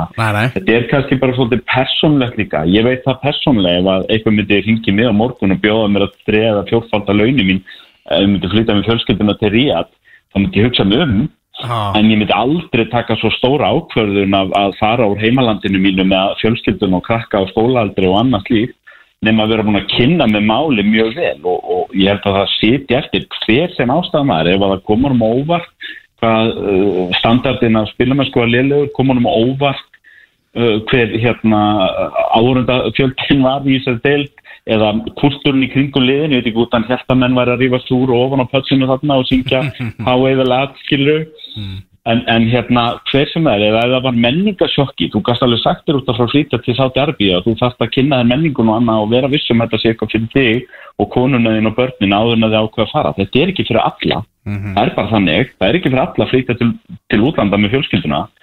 Og hérna eftir situr bara hvað sem það var sem kom honum í svona okna skjöld á fjórum mánuðum hefur bara átt að kynna þeim málifinu og nú sagðir já Já, það er bara þannig. Þetta er pottet samkomulag sem bara að Lettifak segir bara, heyrðu, ok, við skulum rifta við þig að þú ert ekki að fara að drulla neitt yfir þessa deild eða, eða sáti Arabíu eða neitt, sko. Já, það er bara eitthvað sko með þessar fréttir í vikunni sem að maður veit ekkert hvað er staðfest og hvað ekki um það það stóð til að hann fengi bara ekkert borga fyrir þessu tvöl sínaðna það getur vel verið ef maður les í það hvernig hann síðan kemur fram núna að kannski er hann að reyna að taka bara það high road og vera ekki að sparka þeim enn á útliðin en kannski var líka bara búið að segja við hann hefur við er alltaf og engum Það er alltaf nokkuð ljóst að sáti Arabíska deildin er betri en svo franska Kristján Rónaldó tilkynnti það í gær Já, hann er alveg örglega ekkert að hnýta í Lionel Messi þegar hann segir þetta. Nei, nei, nei, nei. Það, er, það var ekki það sem var á bakvið þessar, þessar mótur hjá hann. Nei, nei, alls ekkert. Nei, nei, talandi um Lionel Messi, hann var kosin uh, leikmaður ásins 2023 og ég benda á það að inn í þessu var ekki titillin í heimsmeistaramótinu í, í fótbolta þannig að hann er kosin hann fyrir að vinna Já, skora þessi mörg í leið Inter Miami að þessum Delta-byggar sem þetta er engin viss að vera til fyrir hann allt einu Messi fór að, fór að spila í honum og svo setni hlutar hann með, með PSG. Skákar Erling Haaland og sitt sínist hverjum í, í þessu málum? Ég, sko þarna er nokkuð að gefa ákveð fordæmi og fordæmi er einfalt uh, næstu árin ef að Lionel Messi stendur uppréttur og er ennþá sparkið bólta þá hlýtur hann að vera knaspunum að ráðsins. Já.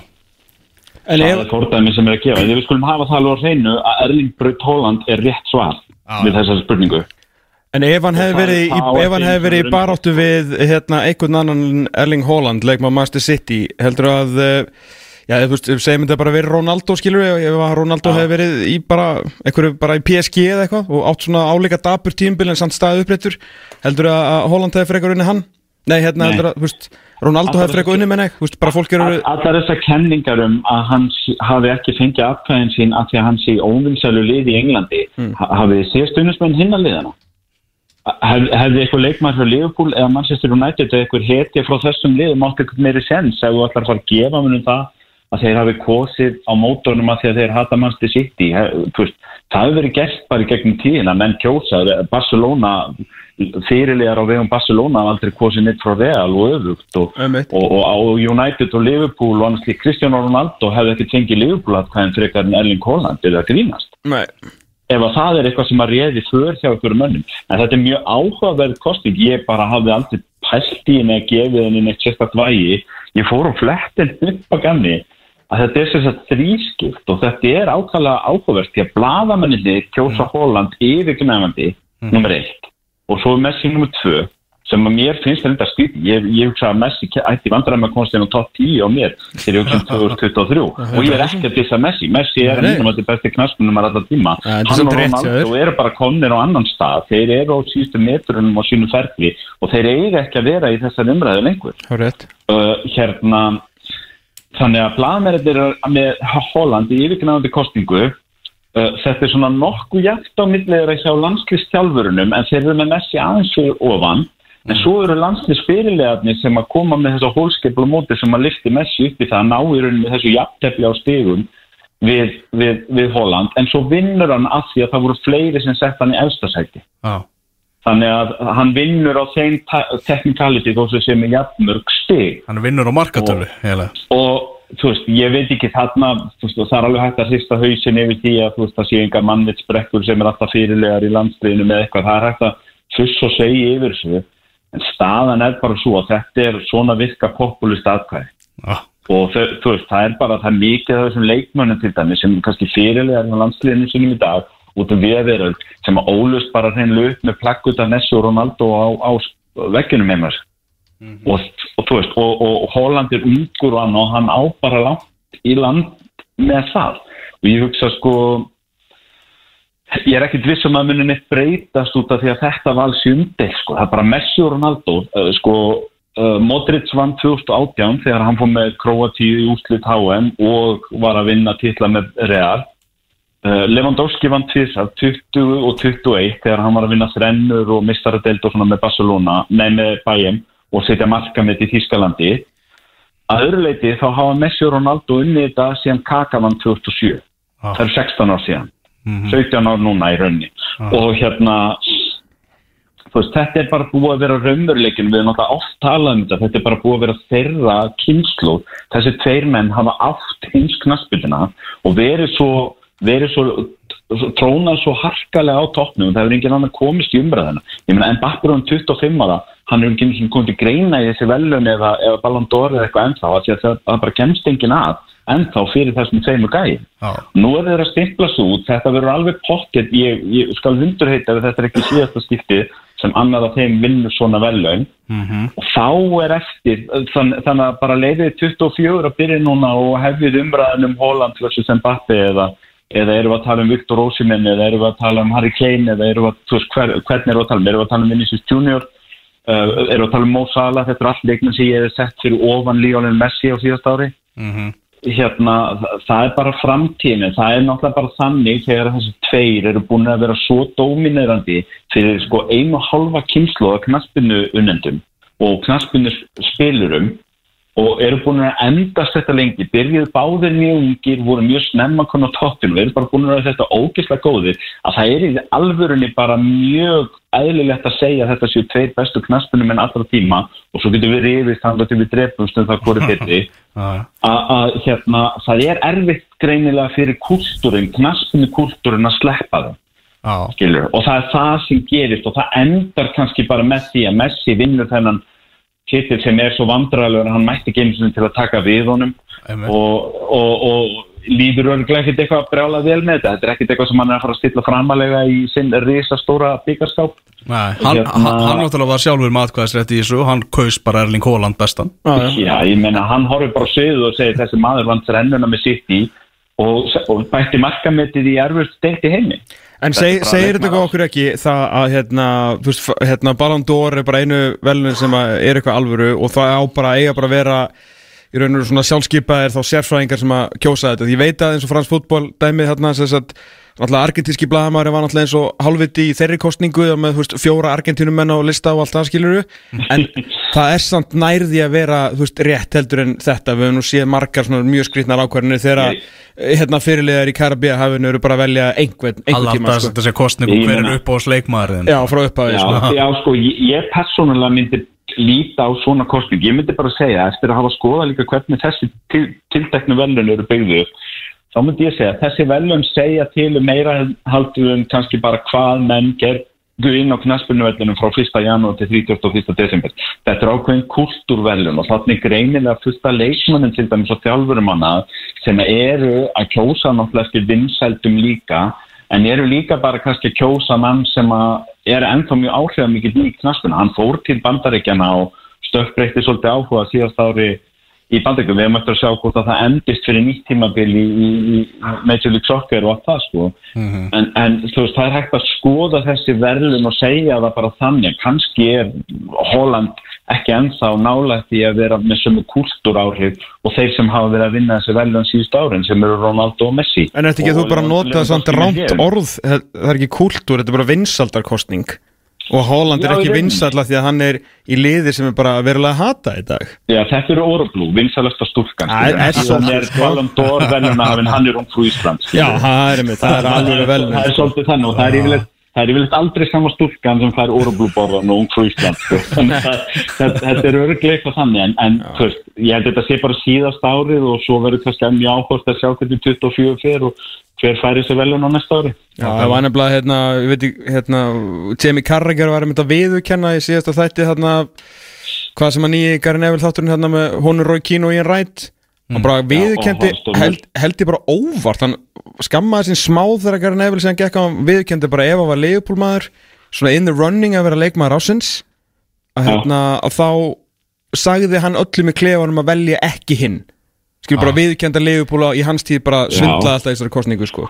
Og þetta er ekki einu sem eitthvað sem lítur út fyrir Jamie Carragher. Hann er bara að segja það sem allir vita að allir fyrirlegar gera. Er þú ekki litið illa út fyrir hann, hann var náttúrulega eins og kúkur að þeir framann það- sko, en, en þetta, þetta var samt sko, en svona er þetta bara, þetta var ekki bara í hjá hann, er ekki séns ef þeir gera þetta, gera þetta vandarlega 17 og 20 liðum. Sko ég sitt hérna heima í Hafnafyrði og ég get sagt persónulega þá væri ég meðvitað um það að mitt atkvæði er gert ofinverst. Já, Þannig að ég myndi ekki vilja að allir dúttar út í heimi væru bara eitthvað að skoða, já hann er vita að hann heldur með Liverpool þannig að hann kýsur ald, kýs aldrei sitt í mannin og Sala er alltaf nummer eitt hjá hann. Þetta Skilur, skjóta- Ég myndi, ég myndi hafa það í huga og reyna að passa mig á því að vera sangjarn í þessu. En Jói ef þú að að gera mæta liðspilunum og þú byrði í borginu og þú ert kannski Barcelona maður eða Liverpool maður eða eitthvað sem er að spila fyrir það lið og ert að kjósa sem fyrirlið Hollands eða fyrirlið Kroatíu eða eitthvað og það svo kom að mæta æfingar. Ég meina hvernig á fyrirlið hjá Kroatíu sem er kannski að spila fyrir Barcelona og hann velur veist, hérna, Modric fram yfir börsungin sem er, kemur til greina. Og svo mæta æfingar aftur hjá Barcelona og þeir segja allir, hefur þú valdi Real Madrid mannin en ekki ok okkar mann hérna. Já, ef að Virgil van. Dijk sem fyrirlega Hollands hefði valið Holland að mætast Liverpool og sittir alltaf bara hérna í stórleik 9. mars og Holland bara strax komin í hausin á hann bara, já, já, það var svo besti mættur utan á öllin, hvernig ætlar að stoppa Já, með ég meina, þú veist, það eru alls konar hluti sem spil inn í þetta Já, er já. samfélag knaspunum hana og, og það verður bara að gefa það. Þeir, þeir nota aðra fórsendur heldur en við. Það getur verið træpalismi, auðvitað er træpalismi í því en það getur líka bara verið þrýstingur um það þú þarf að geta hort framann í samstagsæðina þína á mándagsmótni og æfingasæðinu þegar þeir eru búin að ná að fletta því hefur þú kaust hérna sitt í mannin þegar að Sala kom til greina og þykist þú eitthvað að spila áfram fyrir Liverpool? Eða öfugt, skilur, þú, hérna hvaða sitt í maður hefði kosið Mo Sala eða Van Dijk í svona kostningu þegar Holland kemur til greina? Skilur, þú getur ekki farið í báðar átti með þetta þegar Modric og Messi komið til greina. Heldur að ekki allir fyrirlegar allir sem gáttu kosið hjá Real kosið Modric frekar? Mhm. og, og eins og auðvitað allir börsumbenni sem komið til greina kosið Messi? Og, og, og þú veist þannig bara er þetta. Ég, ég held að getum ekki tekið þetta of hátilega eða ætla að hrópa of mikið hérna eitthvað, eitthvað stuld eða eitthvað. Það eru bara svo margir aðri faktora sem kom inn í þetta og þeim verður aldrei breytt. Það er bara træbalismin færist bara yfir á næstu aðeins. Það er svolítið, serðu þau mark, eh, Arsenal 3 Crystal Palace 0 Opnu leik eða hotn eða? Leandro Trossard úr opnum leik. Og Nó. ég held að þetta sé mögulega bara síðasti leikur Roy Hodgson í, eh, sem stjóri í hans skúrasleitinni Það er með Já, gamla maðurinn að hverfa. Vont að þurfa að fara á Emerisenda það er verið að vara þetta núna en hann er réttstæður. Þannig að hann er alltaf góð Herru, hérna eftir að hafa mistað heilum tíu leikjum á sex árum 256 leikir eða eitthvað spilaðir af 266 að því að meiðist aldrei heljar mennið sem að er Mo Salah. Það meittist í gær, er þetta stormur í, í, í vassklassi Eh, Kristján Alli og bara vera að gera allt klárt fyrir Arsenal eða hvað, hvað eru þínu menn að segja? Uh, það er engin, þú, þið þurfum ekki að trúa neinum samsverðskenningum Mo Salah myndi gera allt til að geta spila fyrir Egyptaland. Mhm. hann dreymur um þennan afkontitil sem var svo nálægt í að vinna síðast hérna, hann myndi gera allt til þess að ná þeim leikjum og, og ég túlkaði það, menn voru að tala um hann svo tárótur af velli og annað. Ég tók því ekki að, að endilega Leopold kymabili væri hætti, ég hugsaði bara með mér hann er bara að hugsa um reyðin hjá Egyptalandi. Að það var sagt, sko, hann missir- sko. Egyptarnir sögðu að hérna, hann missir af, tóku fram að missir af næstu tveimuleikjum eins og þeir ætli sér lengra og hann getur mögulega verið klár Já, þeir þeir fari ætla á, það ástur að koma hljós ánans hvort þeir geta það þeir byrjum ekki vel í þessu móti. En ef þetta er rétt, þá kemur hann inn í áttalega úslitin Já, en ég hef ekki ágjör á hann með Liverpool, ég menna, þú veist, hann gæti verið heill og farið allar í úslit með Egyptalandi og þá í rauninni væri hann lengra að fá, heldur en ef hann er mittur í tvær vikur og kemur svo til Liverpool bara því að þeir komast ekki upp úr riðli. Ég, maður andaði léttar í gær þegar að fréttum með komaði að þetta væri ekki alvarlegt.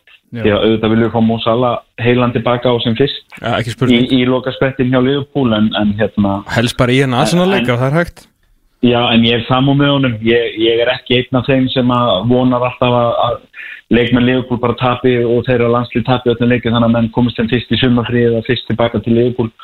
Þetta skiptir leikmennina máli og ég, við sáum það til dæmis þegar að þeir tjöpu vítaskinu keppni fyrir Sadio Manni og Senegal í úslitum afkvæm. Sala var ekkert sami maður sem kom heim aftur eftir þau vombriði það er ekkert alltaf gott heldur að menn renni bara raskat og séu konið snemma heim og þá þarf klopp að díla við það að stappa stáli í sinn mann og, og blási hann einhverju sjálfstrust aftur og, og fá hann til að efna svo svekkilsunni það getur verið annars konar, annars konar vandamál við að eiga. Þannig að, að hérna, þetta bara fer eins og það fer og, og ég hlakka til að sjá Mó Sala spila aftur við Leopold en ég vona að hann verði bara heill og, og, og, hérna, og eldress á kantinu þegar hann kemur. Þín er mann í lögbúl að mæta Bornmóð á morgun klukkan 16.30 Það fara að mæta Solange Munið ná að ráða við hann? Leikmaður mánaðarins? Ég veit það ekki, hann er búin að sjóð heitur hann er búin að sjóð heitur en hann hins vegar hefur þjáðst af því eins og margur fyrirnandi Leopold-leikmann, hann verðist alltaf spil ítla gegn Leopold, en kannski er það, er eitthvað annað på tenningum hjá hann núna, hann verðist vera búin að ná sér upp á eitthvað harra level, en hvort þetta bara var svona flottir tveir mánuði, flottir fjórðungur eins og við töluðum um, eða, eða hvort að það komi til að vera þessi kannski svona gæðabreiting hjá honum. Skulum sjá til, það reynir á hann á morgun, hann, hann er að fara að mæta hann Já, Nú já, hvar Kristján allir á línunni Já, já, alltaf leið, hann var búin að fara yfir, yfir svið Já. Kristján Alli, takk kjærlega fyrir uh, þig uh, þ- nei, hún verður komin í samband Nei, nei, nei, nei. Það er Lagsnes Arena í Köln. Þar er hafliði breiðfjörð okkar maður. 37 mínútur í leik þar sem að Ísland er að keppa á móti Fraklandi Hvernig er stemmingin í Köln? Hvernig eru, eru stöðnismann Íslands að, að hegða sér? Er það rosa fáir núna þessum en það er fjöðnjön stemning Er þetta hvað í mér eða? Já, já, við heyrum í það. Það er ekki eða nefnilega. Já, já Stem, Stemmingin er góð, segir þau? Stemmingi góð, já. Heldur betur, hvernig, hvernig heldur þetta að fari? Hvernig er þín tilfinning fyrir þessu? Svo við getum alveg unni frakka, við fórum með varalega mót fyrir tveimur árum og unnum það. Nú erum við með okkar bestu menn, þannig að við fjóttum bara ekki að kveiki þetta koma okkur þetta mót. Ertu alveg viss? Nei, ég sjálfsög ekki. Það sem er vant að því að mótið fyrir tveimur árum var svolítið einstaklega, það var ekki stemning í hópinu. Það er eiginlega ekki núna, sko. Nú ertu að greina bara, bara pyrringa Nei, ekki byrjinga, bara þú veist, maður er að horfa leikina, að menn eru svona að peppa á annan og fagna hverjum einasta sigur í varnarleiknum og svona. mm. Það er alltaf lítið, sáum við þetta aðeins í Ískalandi, Mm.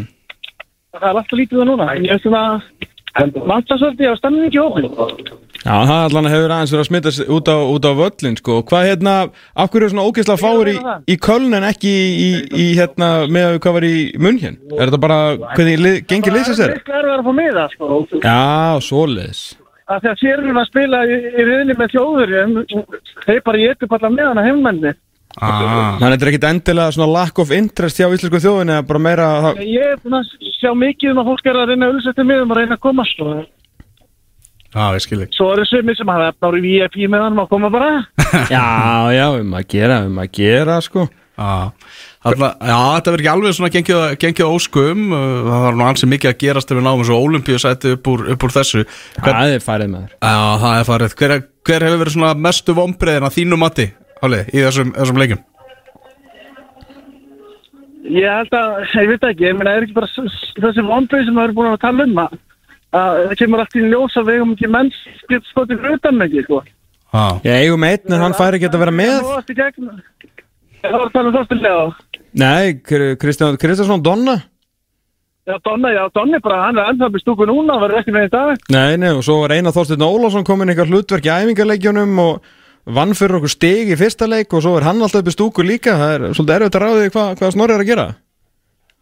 Já, eiginlega, ég, ég skil ekki alveg með Donna, Þorveri hans Snorra var náttúrulega alveg eins með það, hann tekur hann með en notar hann ekki, sko. Nei, einmitt, það er einmitt verið að tala um hvort það sést bara Snorri í öðrum búning sko, hann að þetta er allan að búa að vera ansið dabur, þó að því það þeir lögðu sér fram á mútið Þískalandi þeir eru bara rosa lélegir að kasta boltanum ekki í markmennina. Já, hann er þetta ógeðslega góður sem markmaður, sko. Jú, jú, jú, jú. En jú, alveg rétt, við, þessi mestu vonbriði fyrir mig, líka bara handbóttalega sé að þessi hotnamenn í liði sem hann oft eru bestu mennindir, þeir bara er ekki að taka þátt í þessu móti, sko. En þeir höfðu tekið þátt í síðasta leik og við höfum skorað á vítum, það unnur þetta með svona tíu markamun sko. Við hefðum bara þurft svona tvö mörg í viðbútt úr hodnunum, sérstaklega þegar þetta voru bara dauðafæri og kannski eitt viti. Þú þá hefur bara svona unni með þremur og bara þægilegir, sko. Þetta er að vera algjör. En er, er, samt, er, er gálla á Íslendingunum sem eru þó í, í körn, því að þetta er náttúrulega trillt borg, sko. Það var ekki gefum eftir þessu Já, þú varst náttúrulega hérna síðast þegar við spilum með þetta, Thomas. Jú, jú.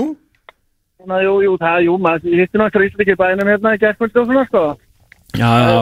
Fólk kann að Íslandiki kunna alveg skipt skemmta sig, sko. Einmitt, töpuðum held ég fyrir Brasilíu eða hvort við náðum að merja Brasilíu maður ekki loka leiknum og ég spurði gumma gumm hérna Herri, við nú vorum að tapa fyrir Brasilíu, er þetta ekki komið gott? Svona, eða svona, þú sko, sko, eh, Thomas Uppgangurinn í Brasilíu Þá, þegar það er hendi í sko, Thomas að þá veit maður að hann er ekki sáttu með spurninguna. Enda, Nei, nei, hann hann er, hann er mjög gaggarinn á fjölmennum, hann er. Já, verulega, verulega. Herru, það lítur að hérna, vera að stýttast í annan endan hjá okkur Halið, þú tekur einhverja myndir og hérna, ég vil fá eitthvað Ég vil fá eitthvað fyndið úr stúkunni í dag Á Facebook setni kvöld, þú fyrir að vinna þetta. Já, ég bara legg mig alla fram í það. Takk fyrir, kjærlega Heyrumst. Nóttu vel, heyrjumst vinnur, bye bye Sko mestu já, mér, sko ef ég ætti að velja mestu vonbreiðin þá eru það íþróttamenn ársins Ómar og, og Gísli. Já, Ómar er svona stundum verið allt í lagi En Gísli Greia, þú veist, þetta er heildina hræðilegt mótin Gísli Greia bara, Já, úff. Já, En Janus góður í sísta leik, hann leist hann vel af En þú veist, Óðinn og, og Svivaldi sko, Guð minn almáttugur sko, reynda Bjarki engu skári hinni með þetta búið alveg, og akkur geta ekki skora á vítum? Nákvæmlega. Það er bara eitt kall fyrir Já, hvað er Valdimar Grímsson? Nákvæmlega, nákvæmlega. Og líka sko þegar af því að Viggo ætlaði bara svona komin í leikin sem bara svona hérna Jón Karl Björnsson nema kannski aðeins meira fitt átt að vera eitthvað svona sér vítaskittan okkar því að hann skoraði okkur um tveimur vítum í síðasta leika því að hann skást á vítaskittan og leitt verja frá sér fyrsta vítið. Það var reyndar einn rugglaðasta markværsla og vítið ég séð hjá Andreas Wolf sem er reyndar svona einn af tveim bestu markmannum í heim í dag og mögulega bara á allra besti sko. Stutt handbótt á, þessu sinni. Já, en það, svo, það væri ekki unnið sér inn fyrir þess að við tekið hálftíma að við værum á kannski á leiðinu undanúslit við, Já. hérna, við erum handbólta unnundir eins og allir aðrir en ekki þegar þeir get ekki, get ekki skora það er alveg, það er alveg ljóst mm. Herru, fyrir að slá bóttinni í þetta við fórmum fótboltafrætti vikuna sem voru mý margar, það er heldur betur það tekur að vora brátt að hérna allan er svona í fótboltamálum Reykjavík byggjarinn á fullir ferð, kallar að koma heim gaman að fara yfir það, fengum lítpolitikal analyst Þóri Hákonarsson til að fara yfir hvað verður um að ske á þessu ástingi núna í lok februar og uh, herru síðan hans í Kristjáni Atla og vorum enda á Tvær vikur held ég í næstu ótíðum bara spá fyrir að stýttast í það, við erum mjög frólætt sjáum hvað gerist meira í á næstu 60 og 22 tímum því að við verum hérna þá eftir nákvæmlega það langan tíma. Þangar til verið sæl